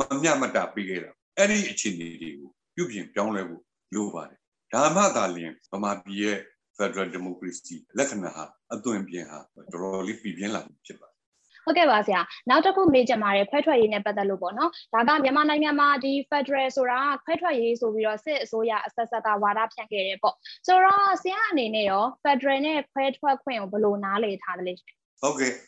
ကျွန်တော်တို့တိုင်းပြည်မှာ ဒီနိုင်ငံရေးစကားလုံးအသုံးနှုန်းနဲ့ပတ်သက်ပြီးရှုပ်ထွေးမှုတွေနဲ့နားမလည်ဘူးအများကြီးရှိတယ် union လို့ပြောလိုက်တာနဲ့တပြိုင်နက်တပြည်တော်စနစ်လို့လူတွေကထင်နေကြတယ်တကယ်မဟုတ်ပါဘူး union ဆိုတာပြည်နယ်တွေပေါင်းစုထားတဲ့ federal နိုင်ငံရဲ့တနိုင်ငံလုံးနဲ့ခြုံငုံပြီးတော့ပြောတဲ့စကားလုံး federal လို့ပြောလို့ရှိရင်ခွဲထွက်ရေးလို့အဓိပ္ပာယ်ဖွင့်ခဲ့ကြတယ်အဲ့လိုဖြစ်ခဲ့ရတဲ့အကြောင်းကတော့ကျွန်တော်တိုင်းပြည်မှာအယူဝါဒရေးရာရာ လွှမ်းမိုးမှုတွေနဲ့တိမ်ဆောင်းမှုတွေရှိခဲ့လို့အဲ့တော့ federal ဆိုရင်ခွဲထွက်ရေးဖြစ်ရမယ်လို့ဆိုတဲ့ကိစ္စကိုရုပ်ဆန်းလို့လည်းအဲ့လိုပဲနားလည်ခဲ့တာသူတို့ဘာကြောင့်အဲ့လိုနားလဲအဲ့ဒီကာလကကျွန်တော်တို့လက်ဝဲလီလူလွှမ်းမိုးနေတဲ့ခါကျတော့ဆိုဗီယက်ဖွဲ့စည်းပုံမှာပါဝင်နေတဲ့ Federal စနစ်အရတိုင်းရင်းသားတွေကိုခွင့်ရေးကိုပိုင်ပြဋ္ဌာန်းခွင့်ပြုတယ်ဆိုလို့ရှိရင်ခွဲထွက်ခွင့်ကြီးပေးရမယ်လို့ပြဋ္ဌာန်းတာပါအဲ့ဒါကိုကျွန်တော်တို့အဲ့ဒီခေတ်ကကျွန်တော်တို့တိုင်းပြည်ကောင်းဆောင်တွေက တော်လေးသဘောကျပြီးထည့်သွင်းခဲ့ဒါပေမဲ့တကယ်လက်တွေ့တိုင်းပြည်တည်ဆောက်တဲ့အခါမှာဆိုဗီယက်မှာခွဲထွက်ခွင့်မပေးခဲ့ပါဘူးစတာလင်ကသူ့ပြည်နယ်ဖြစ်တဲ့ဂျော်ဂျီယာကခွဲထွက်ဖို့တန်နေထွက်လာတဲ့အချိန်မှာတန်နေတော်နဲ့နှိတ်ကုတ်ခဲ့တာပါအဲ့တော့ခွဲထွက်ခွင့်ကိုစကလုံးရာသာပေးခဲ့ပြီးတော့တကယ်ကြတော့ခွဲထွက်ခွင့်ကိုဆိုဗီယက်လည်းမပေးခဲ့ပါဘူးအဲ့တော့ကျွန်တော်တို့ကကိုကြမကူဖန်တီးခွင့်လို့ပြောတာနဲ့ကျွန်တော်တို့ကခွဲထွက်ခွင့်ဆိုတာကိုမြင်တယ် အဲ့တော့ Federal ထဲမှာဆိုလို့ရှိရင်ကိုကြမကူဖန်တီးခွင့်ကျွန်တော်တို့ပေးကြမယ်ဆိုလို့ရှိရင်ခွဲထွက်ခွင့်မှာပါမယ်ဆိုတဲ့သဘောထားတွေဖြစ်လာခဲ့ကြတယ်အဲ့တော့အဲ့ဒါတကယ်အမှန်ကအဲ့ဒီလိုမဟုတ်ပါဘူး Union ဆိုတာကကျွန်တော်တို့တပြည်လုံးနဲ့ဆိုင်ပြီးတော့ပြည်တော်စုကြီးလွှမ်းမိုးနေတဲ့ပြည်တော်စုကြီးလို့သို့တော့တကယ်ဖြစ်စဉ်တွေကိုပြန်ကြည့်တဲ့အခါမှာ Union ဟာ Federal စနစ်ထဲမှာနှမျိုးရှိပါတယ်ဘိုးဟာအားကောင်းတဲ့ Federal စနစ်နဲ့ပြည်နယ်တွေကအားကောင်းတဲ့ Federal စနစ်ဆိုတာရှိ Union လို့ပြောလိုက်လို့ရှိရင်များသောအားဖြင့်ဘိုးချုပ်ကင်မှုအားကောင်းတဲ့ကျွန်တော် Federal စနစ်ကို Union လို့ခေါ်ကြတာအဲ့တော့ Federal လို့ပြောလိုက်လို့ရှိရင်ပြည်နယ်တွေရဲ့အခွင့်အရေးပြည်မအစိုးရတွေပို့ပြီးတော့ရရှိနိုင်တဲ့အခြေအနေဖြစ်တဲ့အကြောင်းကိုကျွန်တော်တို့ကတော့ပေါက်နားလည်ထားရမယ်အခြေအနေပါနှစ်ခုလုံးက Federal ပါပဲသို့တော်ညာလဲအတွင်းသဘောနဲ့အဲလက်တွေ့ဖြစ်လာတဲ့ကိစ္စတွေကတော့သမိုင်းကြောင်းရကြလို့ရှိရင်မတူညီတာတွေဖြစ်သွားပါတယ်အဲ့တော့ဗ မာပြည်ကပင်လုံစာချုပ်က Federal ကိုအတိအကျတပ်ပတ်ပြဋ္ဌာန်းပေးခဲ့တာမဟုတ်ဘူး Union ကိုပြဋ္ဌာန်းတယ်အဲ့တော့ Union ကိုပြဋ္ဌာန်းထားတဲ့အတွက်ချုပ်လိုက်တဲ့အခါကျတော့တပြည်တော်စနစ်ကိုဥတည်တဲ့အနေထားရောက်သွားအဲ့လိုရောက်သွားတာကလည်းတခြားကြောင့်မဟုတ်ပါဘူးတစ်ခုကပြည်တွင်းစစ်ဖြစ်နေတာနောက်တစ်ခုကပြည်မအစိုးရအနေနဲ့ကအာဏာချုပ်ကင်မှုပို့ပြီးတော့လိုအပ်တယ်လို့ယူဆတဲ့အတွက်ကျွန်တော်အရင်တော့ဖတ်ဆပ်ပလာခေါင်းဆောင်မှုပေါ့သူတို့က တပြည်တော်စနစ်မှာပို့ပြီးအားကောင်းတယ်တိုင်းပြည်ဟိုထိမ့်သိမ့်နိုင်မယ်ဆိုတဲ့အမြင်တွေရှိပါတယ်အဲ့ဒါတွေကြောင့်ဒီလိုဖြစ်တာအဲ့တော့ union မဟုတ်ဘူး federal လို့သုံးလိုက် okay နော်သုံးလို့ရပါတယ်သို့တော့ federal ဆိုတာဟာခွဲထွက်ခွင့်နဲ့တွဲနေတဲ့နိုင်ငံရေးစကားလုံးမဟုတ်ဘူးခွဲထွက်ခွင့်ဆိုတဲ့ကိစ္စကကိုယ်ကြမှာကိုဖန်တီးခွင့်နဲ့ဆက်ဆက်နေတဲ့ကိစ္စအဲ့ဒါကိုကြောထွေးနားလည်နေကြတာလို့ကျွန်တော်ကတော့သဘောပေါက်ပါတယ်ဟုတ်ကဲ့ဆရာဆိုတော့ ဒီအခုပြောခဲ့တဲ့ဆရာပြောခဲ့တဲ့နေရာမှာဆိုရင်ဒီဗမာတိုင်းရင်းသားတွေအတွက်ကဒီပြည်နယ်တစ်ခုတည်းမဖြစ်သင့်ဘူး Federal Unit တစ်ခုတည်းမဖြစ်သင့်ဘူးဆိုတဲ့အနေအထားပေါ့ဆိုတော့ဒါဆိုရင်ကျန်တဲ့တိုင်းရင်းသားတွေဘက်ကနေကြည့်မယ်ဆိုရင်ဒီမှာတော့ဒန်းတူညီမျှမှုမရှိဘူးဆိုတဲ့အမြင်မျိုးမဖြစ်သွားနိုင်ဘူးလားဆရာဒန်းတူညီမျှမှုမရှိဘူးဆိုတာကတခြားတိုင်းရင်းသားတွေပြည်နယ်ပေးရင်ဗမာလည်းပြည်နယ်ပဲပေးရမယ်စဉ်းစားနေရတယ်အဲ့ဒါဆိုကျွန်တော်ကကျွန်တော်ကမေးချင်ပါ ရှမ်းပြည်နယ်ကပြည်နယ်ဖြစ်ဟုတ်ပြီတောင်းဆိုဟုတ်ပြီအဲ့ဒီရှမ်းပြည်နယ်ထဲမှာရှိနေတဲ့တန်နာတီးတီးပို့တို့အခါတို့နော်လာကူတို့သူတို့ကိုရောရှမ်းပြည်နယ်ကပြည်နယ်ပေးမှာအဲ့တော့ဆိုလိုတဲ့အဓိပ္ပာယ်ကဘာလဲဆိုတော့အဲ့လိုလူမျိုးနာမည်တတ်ထားတိုင်းစူးစီးပြီးတော့ပေးတယ်ဆိုတာအများစုလွှမ်းမိုးနေတဲ့အင်အားစုကြီးရွယ်တာအဲ့ဒီမှာအခွင့်အရေးမြတ်တာဖို့လိုကြိုက်သည်ဖြစ်စီမကြိုက်သည်ဖြစ်စီဆန္ဒရှိသည်ဖြစ်စီဆန္ဒမရှိသည်ဖြစ်စီ ဗမာပြည်မှာတော့ဗမာလူမျိုးကအများဆုံးဖြစ်နေတာဖြစ်နေတဲ့လေသူ့ကိုအုပ်ချုပ်ရေးအရအဆင်ပြေအောင်ပြည်နယ်ကတိတ်ကြီးနေတဲ့အတွက်ဗမာပြည်ရဲ့တွဲလောက်ရှိနေတဲ့အတွက်သူ့ကိုတိုင်းနေထပ်ဖွဲ့ပြီးတာအဲ့တော့အဲ့ဒီကိစ္စကခုနလိုကျွန်တော်တို့ဒီနေရာမှာတိမ်ညွတ်မှုတစ်ခုဆန့်ကျင်ဗမာမျိုးကြီးဝါဒဗမာလွှမ်းမှုဆန့်ဗမာပြည်ရဲ့ ပထဝီနိုင်ငံရေးလက်တွေပထဝီစီးပွားရေးလက်တွေနဲ့အဲ့ညီတဲ့အခွင့်အရေးတရားကိုပေးရတယ်အဲ့တော့လူမျိုးစု130ပါဝင်တဲ့ထဲကနေပြီးတော့မှတချို့သောလူမျိုးစုတွေပြည်နယ်ပေးတယ်အဲ့ဒါကြောင့်ဗမာလည်းပြည်နယ်ပေးရမယ်လို့ပြောတာဒါတော့တိတ်ဘာဝမကြောက်ဘူးအဲ့ဒါဆိုလို့ရှိရင်ရှမ်းပြည်နယ်ထဲမှာပြောရလို့ရှိရင်လူမျိုးပေါင်း30လောက်ရှိအဲ့ဒီလူမျိုးငယ်တွေကိုရောရှမ်းပြည်နယ်ကဘာပေးမှာဆိုတဲ့ပြဿနာတွေရှိလာ အဲ့တော့သူတို့ထပ်ပေးလို့ရှိရင်ဘာထပ်ပေးမလဲဆိုတော့ပြည်နယ်ခွဲပေးရင်ပေးမယ်ဟိုကျွန်တော်တို့တိုင်းခွဲပေးခြင်းပေးမယ်စသဖြင့်ဒေသဆိုင်ရာအုပ်ချုပ်ရေးအာဏာတွေအလားတူပဲတပြည်လုံးအနေနဲ့ဆိုလို့ရှိရင်တော့60ရာခိုင်နှုန်းနီးပါးရှိတဲ့ဗမာလူမျိုးတွေအခြားသောနှိုင်းရှင်ရဲ့ကြီးတဲ့အမျိုးသားတွေပြည်နယ်ခွင့်တစင်တန်းပေးတယ်ဗမာပြည်နယ်ကတော့တိတ်ပြီးကိုကြည်ပြီးများပြားနေတဲ့အတွက်ကျွန်တော်တို့အခုတိုင်းနေခွဲပြီးတော့ဒီဆောက်ပြီအဲ့တော့ အဲ့ဒါကပုံတရံပြဿနာအဲ့ဒါအရေးမကြီးပါဘူးအရေးကြီးတဲ့နှစ်သာရကြတဲ့ပြဿနာခုနကကိုယ်ပိုင်ပြဋ္ဌာန်းဝင်ကိုဒီတိုင်းပြည်မှာကျွန်တော်အသိမှတ်ပြုလာမှအဲ့တော့ပြောချင်တာပြည်နယ်တွေမှာလည်းပဲခုနထပ်ပြီးတော့ပြည်နယ်ဖွဲ့စည်းပုံကြီးရအပြည်နယ်ဖွဲ့စည်းပုံနေတဲ့မှာခုနရှမ်းပြည်နယ်ကအခြားသောပြည်နယ်တွေနဲ့ပတ်သက်တဲ့ကိစ္စမှာအခြားသောလူမျိုးငယ်တွေကိုကျွန်တော်တို့ဟိုကိုယ်ပိုင်အုပ်ချုပ်ရေးကိုယ်ပိုင်ပြဋ္ဌာန်းခွင့်နဲ့ညီကျွန်တော်တို့ကသတ်မှတ်ပေးရ အဲ့လိုနည်းနဲ့ဖြစ်ရှင်းရမှာဖြစ်ပါတယ်နော်အဲ့တော့ဗမာကလူမျိုးကြီးဝါဒကျင့်သုံးခဲ့တယ်အဲခဲ့တဲ့အတွက်ဗမာကိုလည်းဒီနယ်တစ်ခုအနေနဲ့ပဲပေးရမယ်ဆိုတဲ့အယူဆကလက်တွေ့အခြေအနေနဲ့မကိုက်နိုင်ပါဘူးအဲ့ဒီကိစ္စကဗမာလူမျိုးကြီးဝါဒဆိုတာလေအခုຫນွေဥတော်လိုင်းရင်းမှာတော့အဲ့ဒီအမြင်တွေတော်တော်လေးပပျောက်သွားပြီထင်ပါတယ်အဲ့ဒီကိစ္စကစစ်အာဏာရှင်စနစ်ဗမာပြည်မှာစိုးမိုးပြီးတော့သွေးခွဲအုပ်ချုပ်ခဲ့တဲ့နိုင်ငံရေးအကြောင်းတွေရဲ့ အကျိုးဆက်လို့ကျွန်တော်တို့ကမြင်ပါတယ်အဲ့ဒါတွေဖြစ်ရှင်းပြီးလို့ရှိရင်ကျွန်တော်တို့ ਨੇ တိုင်းသားတွေကြားထဲမှာဒီနေ့ဒီနေ့ဘယ်နှခုထားရမယ်နော်တိုင်းဘယ်နှခုထားရမယ်ဆိုတဲ့ကိစ္စတွေကျွန်တော်တို့အားလုံးဝိုင်းဝန်းပြီးတော့ဆွေးနွေးဖြေရှင်းလို့ရနိုင်ပါတယ်ကျွန်တော်ကျွန်တော်တော့အဲ့လိုမြင်ပါတယ်ဟုတ်ကဲ့ဟုတ်ကဲ့ပါဆရာဆိုတော့ကျမတို့ဒီနေ့ဆွေးနွေးခဲ့တဲ့အကြောင်းအရာနေတဲ့ဆက်ဆက်လို့ပေါ့နော်ဆရာဘက်ကဖြည့်ဆွတ်ပြောချင်တာရှင်ပြောပေးစီချင်ပါတယ်ရှင်ကျွန်တော်ကတော့ကျွန်တော်တို့အမာလူမျိုးကြီးအနေနဲ့ အမာလူမျိုးကြီးဝါဒကိုကျွန်တော်တို့ဆန့်ကျင်တိုက်ဖြစ်ဖို့အတွက်လက်တွေ့ကြတဲ့ကိစ္စတချို့ကျွန်တော်တို့လုပ်ပြရမယ်ကျွန်တော်ထင်ပါတယ်တိုင်းသားတွေကဓာတ်နုညီညာရေးကိုတောင်းတောင်းဆိုတဲ့အခါမှာကြာဆုံးသွားတဲ့အာဇာနည်ပုဂ္ဂိုလ်ကြီးကရင်ခေါင်းဆောင်ကြီးပြောခဲ့တဲ့ကိစ္စပေါ့နော်ဗမာတကြတိုင်းနာတကြဆိုတဲ့ကိစ္စကိုဓာတ်နုညီညာရေးဖြစ်စောပါဦးကြီးပြောခဲ့ပြီပါအဲ့ဒီကိစ္စကိုတိုင်းနာဆွေးနွေးပွဲတိုင်းမှာလည်းပြောကြလို့ရှိပါကျွန်တော်အမြင်ကတော့ ဗမာတမတိုင်းနာတကြလို့ကျွန်တော်ယူဆပါတယ်ဘာလို့ဆိုတော့နှစ်90ကျော်နီးပါးဒီစစ်အာဏာရှင်စနစ်စိုးမိုးမှုအောင်မှာဗမာဒေသနဲ့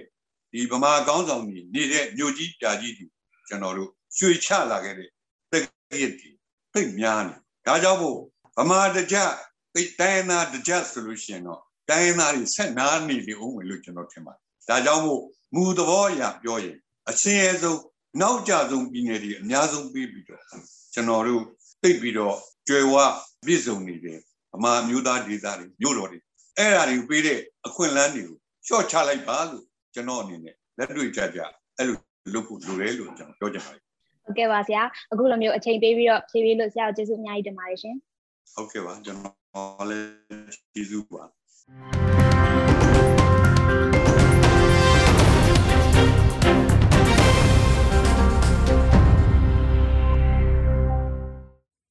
အခုဆက်ပြီးတင်ဆက်ပေးမှာကတော့နားဆင်ခန်းစားစောင်းပါများအစီအစဉ်ပါကိုဗစ်မျိုးကွဲတဲ့ Omicron နဲ့မြန်မာနိုင်ငံအတွက်သတိပြုစရာဆိုတဲ့ဆောင်းပါးကိုမှုကတင်ဆက်ပေးထားပါတယ်။နားဆင်ပါရှင်။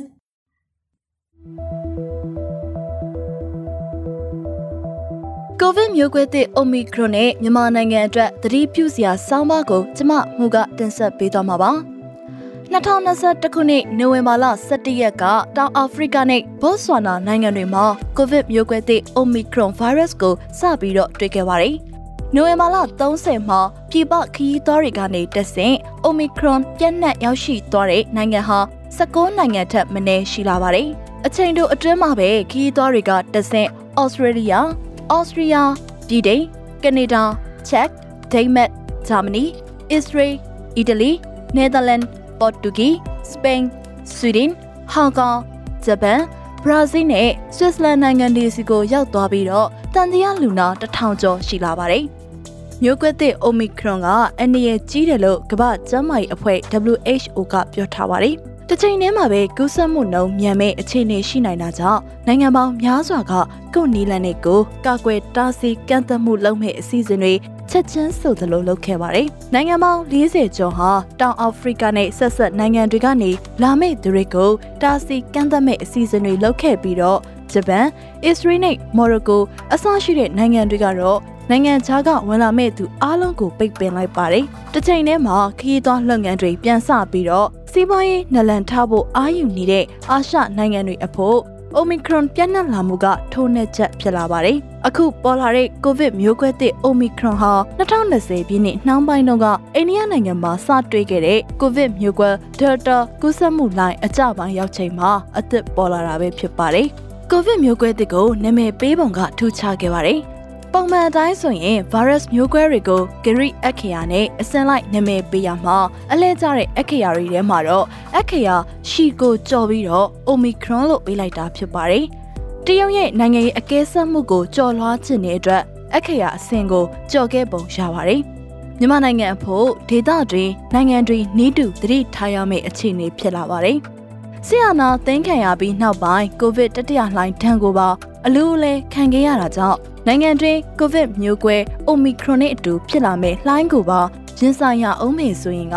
ကြီးမားတဲ့အခက်တွေ့မှုထပ်ပြီးတော့ဖြစ်လာနိုင်ပါတယ်။ဆီယနာရှင်စန့်ကျင်ရေးလှုပ်ရှားမှုမှာပါခဲ့တဲ့ကျမကြီးဝန်ထမ်းတွေကိုဖမ်းဆီးတရားစွဲဆိုဝရမ်းထုတ်မှုတွေလုပ်ခဲ့တဲ့အတွက်ချိနဲ့ကြရတဲ့ပြည်သူကျမကြီးစောင့်ရှောက်မှုရန်ရဟာအခုထိအပြည့်အဝပြန်လည်လက်ပတ်နိုင်စွမ်းမရှိသေးပါဘူး။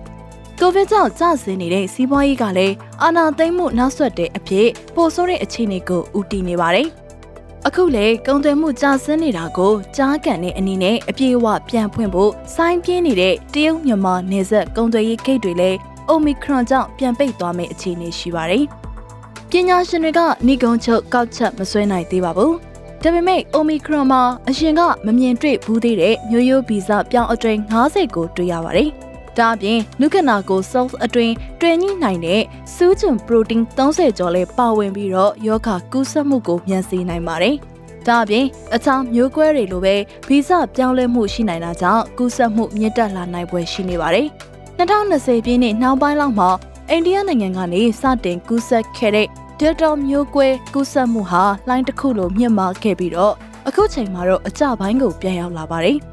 ဒီအချိန်ဒီမှာ Omicron ကအစားထိုးပြီးနောက်ထပ်ကူးစက်မှုလှိုင်းတစ်ခုဖြစ်လာမှာကိုနိုင်ငံတကာကစိုးရိမ်နေကြတာပါ။ Omicron ကပြင်းထန်ယောဂဖြစ်စေမှာလားဆိုတဲ့အရေးကြီးတဲ့မေးခွန်းတစ်ခုဖြစ်ပါတယ်။တောင်အာဖရိကနိုင်ငံမှာတွေ့ရတဲ့ကူးစက်မှုလောက်နဲ့သုံးသက်အပြည့်ထုတ်လို့မရနိုင်သေးပါဘူး။ဒါပေမဲ့အရင်ကိုဗစ်ကူးစက်မှုတွေမှာကူးစက်မှုတိတ်မခန့်ရတဲ့အသက်ငယ်ရွယ်သူတွေမှာယောဂလက္ခဏာတွေတွေ့ရတယ်လို့ဆိုပါတယ်။ အခြားနာတာရှင်ယောဂရှိနေတဲ့သူတွေအတွက်ဘလို့ဖြစ်နိုင်သလဲဆိုတာအတိအကျသိရဖို့အနည်းဆုံးအချိန်တစ်လနှစ်လလိုအပ်ပါသေးတယ်။လက်ရှိထိုးနေတဲ့ကိုဗစ်ကာကွယ်ဆေးတွေကအိုမီခရွန်ကိုကာကွယ်ပေးနိုင်မလားဆိုတော့အရေးကြီးတဲ့မေးခွန်းဖြစ်နေပါတယ်။ကာကွယ်ဆေးထိုးပြီးတဲ့လူတချို့ကူးစက်ခံရတယ်လို့လည်းဆိုကြပါတယ်။ဒါပေမဲ့တေချာမှုမရှိသေးပဲအချိန်ယူလေ့လာဖို့လိုအပ်နေပါသေးတယ်။ ကျွမ်းကျင်သူတွေရဲ့ပြောဆိုချက်အရတော့ Omicron ကူးစက်ခံထားရသူတွေထဲမှာကာကွယ်ဆေးထိုးထားသူနည်းတယ်လို့ဆိုပါတယ်။ဒါအပြင်ကာကွယ်ဆေးနှစ်ကြိမ်ထိုးပြီးသူတွေမှာလည်းယောဂမပြင်းထန်နိုင်ဘူးလို့ပြောကြပါတယ်။ကာကွယ်ဆေးထုတ်နေတဲ့ဆေးကုမ္ပဏီတွေကတော့အသေးစိတ်လစ်လာမှုတွေဆက်လုပ်နေပြီးကာကွယ်ဆေးတွေကိုအဆင့်မြင့်တင်မှုလုပ်ဖို့ပြင်ဆင်နေကြပါတယ်။ဆေးကုမ္ပဏီတွေဘက်ကကာကွယ်ဆေးအသစ်တွေဆက်လက်စမ်းသပ်ဖို့လိုအပ်နေတဲ့အချိန်မှာအုပ်စိုးသူတွေ ပြည်သူ့ကျန်းမာရေးဌာနတွေကတော့ရှိထားပြီးဖြစ်တဲ့ဆေးတွေနဲ့ကာကွယ်ဆေးထိုးပြီးတာကိုဗစ်စည်းမျဉ်းတွေအတိုင်းလိုက်နာစီတာကုသခံရသူစတင်တွေ့ရှိတာနဲ့ခြေရာကောင်နုနာရှာဖွေကုသ trust and trace လုပ်ငန်းလုပ်တာတွေကိုပဲအားထည့်ဆောင်ရွက်ရမယ့်ပုံမှန်ရှိပါတယ်။ Omicron ကအရင်မျိုးကွဲတွေထပ်ပိုပြီးတော့ကူးစက်လာမယ်ဆိုရင်အရင်လိုတားမြစ်ပိတ်ဆို့တာတွေလည်းဖြစ်နိုင်ပါတယ်။စီးပွားရေးအရာထိခိုက်နစ်နာမှုအကျိုးဆက်က ဆက်ဖြစ်လာအောင်မှမို့လို့ပြင်ဆင်ထားဖို့လည်းလိုအပ်ပါတယ်။ပါးစပ်နဲ့နှာခေါင်းစည်း mask ကိုစနစ်တကျတပ်ဆင်တာလက်ကိုမကြာခဏဆေးတာမလိုအပ်ဖဲလူအုပ်ထဲမသွားတာတွေတဦးနဲ့တဦးတက်နိုင်သမျှခတ်ခွာခွာနေတာတွေဆက်ပြီးတော့လုပ်ကြရပါမယ်။ကာကွယ်ဆေးထိုးခြင်းကအရေးကြီးဆုံးအချက်တစ်ခုဖြစ်နေပြီးတော့ရတဲ့နေရာမှာရတဲ့ကာကွယ်ဆေးကိုထိုးနှံထားမှကိုဗစ်မျိုးကွဲတစ်တွေကိုရင်ဆိုင်ရမှာထိခိုက်မှုနေပါစေပါမယ်။ ကာကွယ်ဆေးထိုးထားပြီးရင်တော့မှပေါ့ပေါ့ဆဆမနေပဲတတိဝရိယထားပြီးတော့ကာကွယ်ကြရမှာဖြစ်ပါတယ်။ Omicron ကကူးစက်မြန်နိုင်ခြေရှိပြီးတော့ပြီးပြည့်စုံတဲ့နိုင်ငံတွေမှာတော့မျိုးကွဲတဲ့အကြောင်းသိဖို့အတွက်အချိန်ယူလေ့လာနေရဆဲဖြစ်ပါတယ်။အခုချိန်မှာ ရာသီတုပ်ကွေးနဲ့အတူကိုဗစ်ကူးစက်ခံရမှုကျဆင်းမသွားသေးတဲ့အပြင်ကာကွယ်ဆေးထိုးနှံထားမှု90ရာခိုင်နှုန်းပြည့်မီခြင်းမရှိသေးပါဘူး။ပြည်သူ့ကျန်းမာရေးစောင့်ရှောက်မှုရန်ရာကအပြည့်အဝပြန်လဲလဲပတ်နိုင်စွမ်းမရှိသေးပါဘူး။ဒါကြောင့်ကိုဗစ်ကူးစက်မှုအခြေအနေတွေကိုမျက်ခြေမပြတ်စောင့်ကြည့်ပြီးတအူးချင်းကစလို့ထိရောက်တဲ့ကာကွယ်တားဆီးမှုလုပ်နိုင်ရေးကအလေးထားတဲ့အကြောင်းအချက်တစ်ခုဖြစ်ပါတယ်။ COVID-19 ကပ်ရောဂါနဲ့ပတ်သက်တဲ့ကိန်းဂဏန်းအချက်အလက်တွေထုတ်ပြန်ကြေညာချက်တွေနဲ့ဒေသအလိုက်ကူးစက်ပြန့်နှံ့မှုတွေကိုကမ္ဘာ့ကျန်းမာရေးအဖွဲ့ WHO က website နဲ့သက်ဆိုင်ရာကျန်းမာရေးဝန်ကြီးဌာနတွေရဲ့ website မှာဝင်ရောက်လေ့လာနိုင်ပါတယ်။ကပ်ရောဂါကူးစက်မှုတွေနဲ့ကာကွယ်ဆေးထိုးနှံမှုဆိုင်ရာအချက်အလက်တွေကို Johns Hopkins တက္ကသိုလ်ရဲ့ Coronavirus Resource Center website Our Walsing Data website တွေအပြင် Reuters သတင်းဌာနကဖော်ပြထားတဲ့ COVID-19 tracker မှာလည်းကြည့်နိုင်ပါတယ်။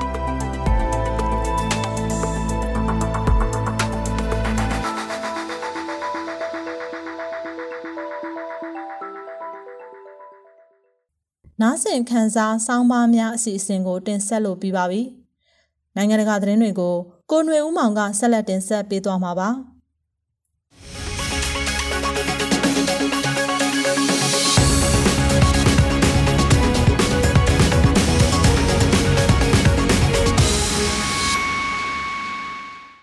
ဒီဇင်ဘာလ2ရက်ကြာသပတေးနေ့ကအမေရိကန်၊ယူကရိန်း၊အဇာဘိုင်ဂျန်၊အာမေးနီးယား၊ဘယ်လာရုစ်၊ UK နဲ့ EU နိုင်ငံသားရေးဝန်ကြီးတွေဟာဥရောပလုံခြုံရေးနဲ့ပူးပေါင်းဆောင်ရွက်ရေးအဖွဲ့ OSCE ရဲ့နှစ်ပတ်လည်ဝန်ကြီးအဆင့်စီဝေးတက်ရောက်ဖို့အတွက်စတော့ဟုမ်းကိုရောက်ရှိလာကြပြီးဥက္ကဋ္ဌအန်လင်ဒီကိုလာရောက်တွေ့ဆုံခဲ့ကြပါတယ်။ယူကရိန်းအနီးရုရှားရဲ့စစ်ရေးတိစောက်မှုကိုစိုးရိမ်ကြောင်းနဲ့ပြင်းထန်တဲ့ဒဏ်ခတ်ပိတ်ဆို့မှုတွေပြုလုပ်ဖို့အမေရိကန်ကသတိပေးလိုက်ပြီးတဲ့နောက်တင်းမာမှုတွေမြင့်တက်လာချိန်မှာအမေရိကန်နဲ့ရုရှားတန်တမန်အကြီးအကဲတွေကြာသပတေးနေ့မှာဆွီဒင်မှာတွေ့ဆုံဖို့ရှိနေပါတယ်။ ဒါ့အပြင်အမေရိကန်နိုင်ငံသားရေးဝန်ကြီးအန်တိုနီဘလင်ကင်နဲ့ရုရှားနိုင်ငံသားရေးဝန်ကြီးဆာဂျီလာဘရော့တို့နှစ်ဦးဟာလည်းယခုတက်ရောက်လာတဲ့ OSCE ဝန်ကြီးအဆင့်အစည်းအဝေးအပြီးစတော့ဟုမ်းမြို့အနီးမှာတွေ့ဆုံဆွေးနွေးကြဖို့ရှိနေပါတယ်။ OSCE ဟာ US နဲ့ရုရှားနိုင်ငံလုံးပါဝင်တဲ့နိုင်ငံတကာဆွေးနွေးမှုဖိုရမ်အနှဲငယ်တွေကတစ်ခုဖြစ်ပါတယ်။ခရိုင်းမီးယားကိုရုရှားကကျူးကျော်ဝင်ရောက်ခဲ့တဲ့2014ခုနှစ်ကတည်းက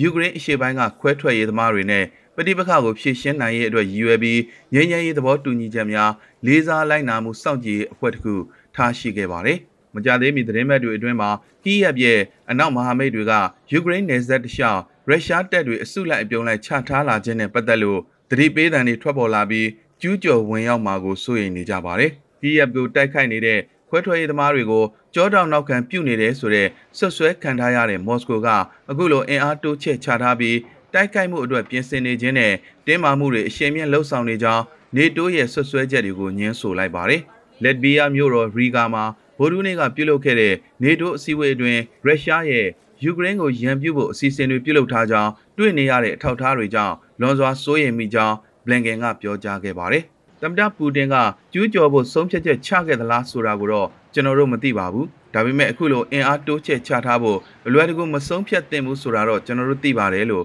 ၎င်းကဆိုပါတယ်ဆက်လက်ပြီးဘလင်ကန်ကတန်တမာရေးနီလန်ကဒီအလားလာရှိတဲ့အကြက်တဲကိုဖြည့်ရှင်းဖို့လှုပ်ထုံးလုံနည်းတစ်ခုအဆင့်ပဲဖြစ်ပြီးရန်လိုမှုတစ်ခုစီကိုတွန်းအားပေးလာမယ်ဆိုရင်မော်စကိုအတွက်မခံမန်းနိုင်လောက်အောင်ရေရှည်ထိခိုက်နေတာမဲ့အကျိုးဆက်တွေဖြစ်လာနိုင်ကြောင်းပြက်ပြက်သားသားတုံ့ပြန်မှာဖြစ်ကြောင်းကရမ်လင်ကိုအသိပေးလိုက်ပါတယ်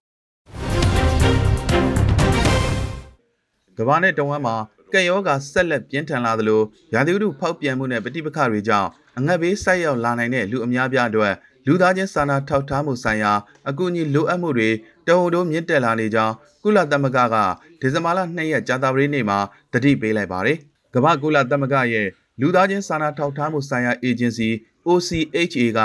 လာမယ့်နှစ်အတွင်းကမ္ဘာတစ်ဝန်းမှာရှိတဲ့လူ284တန်းအတွက်အရေးပေါ်အကူအညီတွေလိုအပ်မှာဖြစ်ပြီးစံချိန်တင်ခဲ့တဲ့2021ခုနှစ်ထက်19ရာခိုင်နှုန်းပုံမတိုးမြင့်လိုအပ်မှာဖြစ်တယ်လို့ဆိုပါတယ်။တနည်းအားဖြင့်လူ29ဦးမှာတဦးအကူအညီလိုအပ်မှာဖြစ်ပြီးဒါဟာ2015ခုနှစ်က95ဦးမှာတဦးနှုန်းလိုအပ်တာနဲ့စာရင်250ရာခိုင်နှုန်းအထိမြင့်တက်လာခဲ့တာဖြစ်ကြောင်း OCHA က၎ င်းရဲ့ကမ္ဘာလုံးဆိုင်ရာလူသားချင်းစာနာထောက်ထားမှုသုံးသက်ချက်အစီရင်ခံစာမှာဖော်ပြထားပါတယ်။အကူအညီလိုအပ်သူအရေးအတွက်ယခုကာလလောက်ဘယ်တုန်းကမှမများဘူးဘူးလို့ကုလသမဂ္ဂအကူအညီပေးဌာနအကြီးအကဲမာတင်ဂရစ်ဖစ်ကသတင်းတောက်တွေကိုပြောပြပါတယ်။လူအများပြားကိုရေရှည်ကူညီဖို့ဆိုတာမလွယ်ကူပေမဲ့ရေရှည်ကူညီဖို့လိုအပ်နေပြီလို့၎င်းကဆိုပါတယ်ကုလသမဂ္ဂအေဂျင်စီတွေနဲ့အခြားလူသားချင်းစာနာမှုဆိုင်ရာအဖွဲ့အစည်းတွေရဲ့နှစ်ပတ်လည်အတနာခံစာတွေမှာလာမယ့်နှစ်အတွင်း နိုင်ငံပေါင်း63နိုင်ငံရှိထိခိုက်အလွယ်ဆုံးလူပေါင်း183သန်းကိုကူညီနိုင်ဖို့အတွက် American Dollar 41ဘီလီယံလိုအပ်မှာဖြစ်ပြီး2021ခုနှစ်ကယင်းအတွက်လိုအပ်ချက်35ဘီလီယံသာရှိခဲ့တယ်လို့လွန်ခဲ့တဲ့၄နှစ်ကလိုအပ်ချက်ထက်နှစ်ဆတိုးလာတာလည်းဖြစ်ပါတယ်။2022ခုနှစ်မှာလူသားချင်းစာနာမှုဆိုင်ရာအကူအညီလိုအပ်နေသူပေါင်း284တန်းရှိမယ်လို့ကျွန်တော်တို့ခန့်မှန်းထားပါတယ်။ဒါက 2021ခုနှစ်ကထက်19ရာခိုင်နှုန်းတိုးလာတာဖြစ်ပြီးတနည်းအားဖြင့်ကမ္ဘာ၄ခုမြောက်လူဦးရေအများဆုံးနိုင်ငံရဲ့လူဦးရေနဲ့ညီမျှပါတယ်လို့ကုလသမဂ္ဂရဲ့လူသားချင်းစာနာမှုဆိုင်ရာအတွင်းရေးမှူးချုပ်မာတင်ဂရစ်ဖစ်ကဆိုပါတယ်။အီသီယိုးပီးယားကဒီလိုအရေးပေါ်လိုအပ်ချက်တွေနဲ့ပတ်သက်ပြီးစိုးရိမ်စရာအကောင်းဆုံးဖြစ်နိုင်ပါတယ်။ကမ္ဘာစမ်းတဲ့အခါအစီအစဉ်ရဲ့ခံမှန်းခြေအရအီသီယိုးပီးယားနိုင်ငံမြောက်ပိုင်းမှာရှိတဲ့လူဦးရေ9သန်းဟာအရေးပေါ်အကူအညီတွေလိုအပ်နေပါတယ်လို့၎င်းကဆိုပါတယ်။ ABC ရုပ်သံသတင်းတောင် George Stephanopoulos နဲ့တီးသန့်တွေ့ဆုံမေးမြန်းခန်းမှာ Alec Baldwin က Russ အမီယာရုပ်ရှင်ရိုက်ကွင်းပေါ်ကတနက်ပြခန်းမှာရိုက်ကွင်းတပ်ပုံပညာရှင် Helena Hutchinson သေဆုံးမှုအတွက်အပြစ်ရှိတယ်လို့မခံစားမိကြောင်းသူကမောင်းတင်လိုက်ပေမဲ့မောင်းကလုတ်ကိုဖြုတ်ခဲ့သူဟာသူမဟုတ်ကြောင်းရှင်းပြသွားခဲ့ပါတယ်။အခုဖြစ်သွားတဲ့အမှုအခင်းအတွက်တစုံတယောက်မှာတာဝန်ရှိတယ်လို့ခံယူထားပေမဲ့ဘယ်သူလဲဆိုတာသူမပြောနိုင်ကြောင်းသူမဟုတ်ကြောင်းတော့သိထားတယ်လို့ဆက်ပြောပါတယ်။ ဒါဟာအော်တိုဘာလတုန်းကဖြစ်ပွားခဲ့တဲ့ New Mexico ရိုက်ကွင်းပေါ်ကကြေကွဲပွဲဖြစ်ရနောက်ပိုင်း American မင်းသားကြီး Alec Baldwin ရဲ့ပထမဆုံးအင်တာဗျူးပဲဖြစ်ပါတယ်။အပြစ်ရှိတယ်လို့ထင်လားမထင်ပါဘူးဒီဖြစ်ရအတွက်တစုံတယောက်မှာတာဝန်ရှိတယ်လို့ခံယူပါတယ်။သူဘယ်သူလဲဆိုတာတော့ကျွန်တော်မပြောနိုင်ပါဘူး။ကျွန်တော်မဟုတ်တာတော့သိကြတယ်။ဖယားကိုတိုင်တယ်ပြီးပြောဝင်ပါတယ်။ကျွန်တော်ကိုယ်တိုင်ပြစ်တက်ခဲ့ရင်တော့အပြစ်ရှိတယ်လို့ခံစားရမှာပေါ့။မောင်ကလုတ်ကိုကျွန်တော်မဖြုတ်ခဲ့ဘူး ဘယ်တုန်းကမှမဖြုတ်ခဲ့ဘူးဒါဆိုမောင်းကလုတ်ကိုခမရမဖြုတ်ခဲ့ဘူးပေါ့လုံးဝလုံးဝမဖြုတ်ခဲ့ပါဘူးဗျာဘသူကိုတနက်နဲ့မှမချင်ခဲ့တယ်လို့မောင်းကလုတ်လည်းမဖြုတ်ခဲ့ပါဘူးတင်နန်းမှာတင် जा မှုကိုခံယူထားပြီးသားပါဘသူမှတနက်နဲ့မချင်ရမောင်းမဖြုတ်ရဆိုတာလေဟယ်လီနာဟက်ချင်ဆန်ကတနက်ကင်ထားဖို့ပြောလို့ကျွန်တော်ကင်ထားတယ်သူ့ဂျိုင်းအောက်ကိုချိန်ထားဖို့ပြောလို့သူခိုင်းတဲ့အတိုင်းလှုပ်ရင်းနဲ့ဖြစ်သွားတာဘယ်လိုပြောရမလဲကျွန်တော်မသိဘူး ဒါကတကယ့်ကိုမတော်တဆဖြစ်သွားတဲ့ကိစ္စပဲရုပ်ရှင်ထဲမှာဒီလိုအဆုံးသက်သွားမဲ့ရိုက်ကွင်းရှုထောင့်မျိုးမဟုတ်ပါဘူးဒါပေမဲ့အဲ့ဒီအတိုင်းပဲကျွန်တော်တို့ဆက်လုပ်ခဲ့ရတယ်ကျွန်တော်ကသူ့ကိုပြောတယ်ဒီစင်းမှာငါကမောင်းတင်လိုက်မယ်မင်းအဲ့ဒီပုံစံကိုကြည့်ကြည့်ကျင်လားဆိုတော့သူကအင်းနဲ့ဒါနဲ့ကျွန်တော်ကတနက်ကိုယူပြီးမောင်းတင်လိုက်တယ်ဒါပေမဲ့မောင်းတော့မဆွဲဘူးမင်းမြင်ပြီလားဆိုတော့သူကဟုတ်တနက်ကိုအောက်ကိုနည်းနည်းလေးငိုက်လိုက်လို့ပြောတယ်ကျွန်တော်ကတနက်ကိုမောင်းတင်ပြီးတော့မြင်ရပြီလား ရပြီလားလို့မေးလိုက်တယ်သူကရပြီဆိုတော့မှမောင်းကိုပြန်လွှတ်လိုက်ချိန်မှာဒိုင်းငနဲ့ကြည်ထွက်သွားတယ်ဗျာမောင်းကိုလွှတ်လိုက်ရုံလေးနဲ့ကြည်ထွက်သွားတာဗျမောင်းကိုလွှတ်ချိန်မှာထွက်သွားတာလားဟုတ်တယ်အဲ့ဒီအချိန်မှာပဲကြည်ထွက်သွားတာတနက်ထဲမှာကြည်မရှိဘူးထင်ထားတာကြည်မထည့်ထားတဲ့တနက်ကိုပဲပေးဖို့ပြောထားတာတကယ်လို့သာရမ်းမပါတဲ့ကြည်လူသာဖြစ်မယ်ဆိုရင်ဘာမှဖြစ်လာစရာအကြောင်းမရှိဘူးအရေးအကြီးဆုံးနဲ့အစမ်းကျယ်ဆုံးကိစ္စကတော့တကယ်ကြည်အစ်စ်ကဘာကြောင့်ရိုက်ကွင်းပေါ်မှာရောက်နေတယ်လဲဆိုတာပဲ လုံးဝရောက်မနေသင့်တဲ့ကိစ္စပဲလေထရက်ကားပေါ်မှာလည်းရောက်မနေသင့်ဘူးလေတနက်ထဲမှာလည်းရောက်မနေသင့်ဘူးလေတစုံတစ်ယောက်ရဲ့အထုပ်ဘိုးထဲမှာလည်းရောက်မနေသင့်ဘူးလေဒီရိုက်ကွင်းနဲ့အနီးဆုံးဖြစ်တဲ့ဘယ်နေရာကိုမှရောက်မနေသင့်ဘူးဗျာရိုက်ကွင်းပေါ်မှာကြည်အစ်စ်ကဘလို့ရောက်လာတာလဲကျွန်တော်အခုပြောတာအဲ့ဒါပဲလေဒါကရာဇဝတ်ကြောင်းအရာစုံစမ်းထောက်လန်းဖြည့်ရှင်းရမှာလေကျွန်တော်ဘယ်သိမလဲယူဆချက်အချို့တော့ရှိတယ်စိတ်ထဲမှာပဲထားတယ်ကျွန်တော်ပြောဖို့မလိုဘူးလေ အရင်ဆုံးပြောချင်တာကတနက်သုံးရတဲ့ရုပ်ရှင်ကားမျိုးရိုက်ဖို့ကျွန်တော်ဘယ်တော့မှစိတ်မကူးတော့ဘူးတရုတ်ဆောင်ရဲ့တာဝန်ကဘာလဲလို့ခမည်းမေးရင်သူ့တာဝန်ကရိုက်ကွင်းသုံးတနက်ကျွမ်းကျင်ပညာရှင်ပြောသမျှလုတ်ပေးဖို့ပဲလို့ကျွန်တော်ဖြေမယ်ကျွန်တော်နားလည်ထားသလောက်ပြောရရင်ဟယ်လီနာရဲ့အမျိုးသားမက်သျူးဟက်ချင်အနေနဲ့တခုခုလုပ်ဖို့တာဝန်ရှိတယ်သူ့အနေနဲ့အာမခံပေးသူတွေအပါအဝင်ထုတ်လုပ်ရေးလုပ်ငန်းကိုတရားစွဲတာမျိုးပေါ့ထုတ်လုပ်သူလို့ပြောလို့ရမလားထုတ်လုပ်သူတွေအားလုံးအကျုံးဝင်မှာပေါ့ ရုပ်ရှင်အမှုပညာတွေကိုခေါ်ယူမှုအတွက်ထုတ်လုပ်သူတွေမှာတာဝန်ရှိသလားဆိုတာတော့နားလည်အောင်လုပ်ဖို့လိုပါသေးတယ်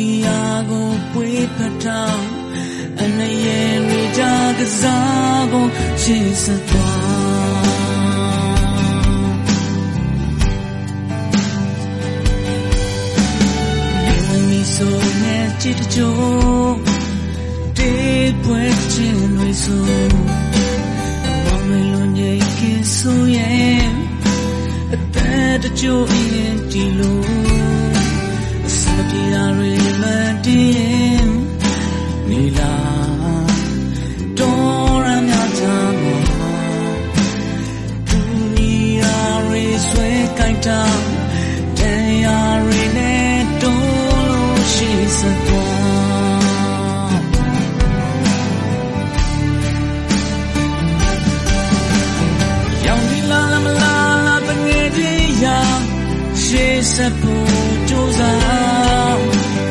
ရင်ခုန်တဲ့လူကြီးကိုရလက်တွဲကအဆုံးထိဆက်သွားကြအိမ်မက်ကိုကြိုးပြီးပ န်းနာ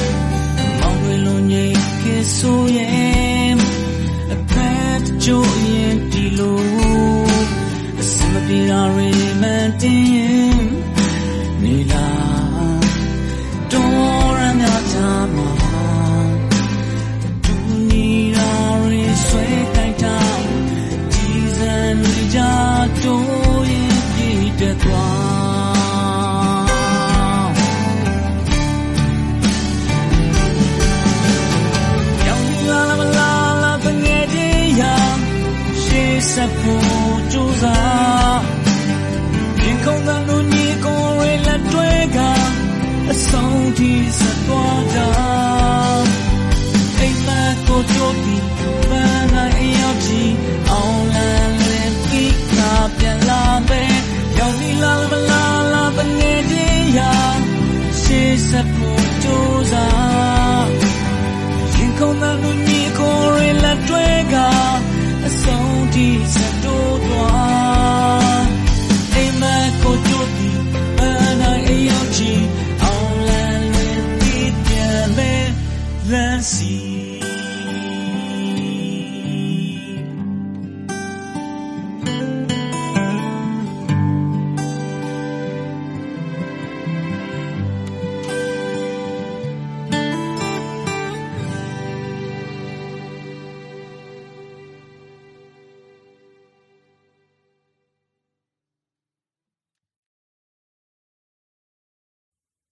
မြစည်းမရေဒီယိုရဲ့ဒီနေ့ညသတင်းတွေကတော့ဒီလောက်ပါပဲ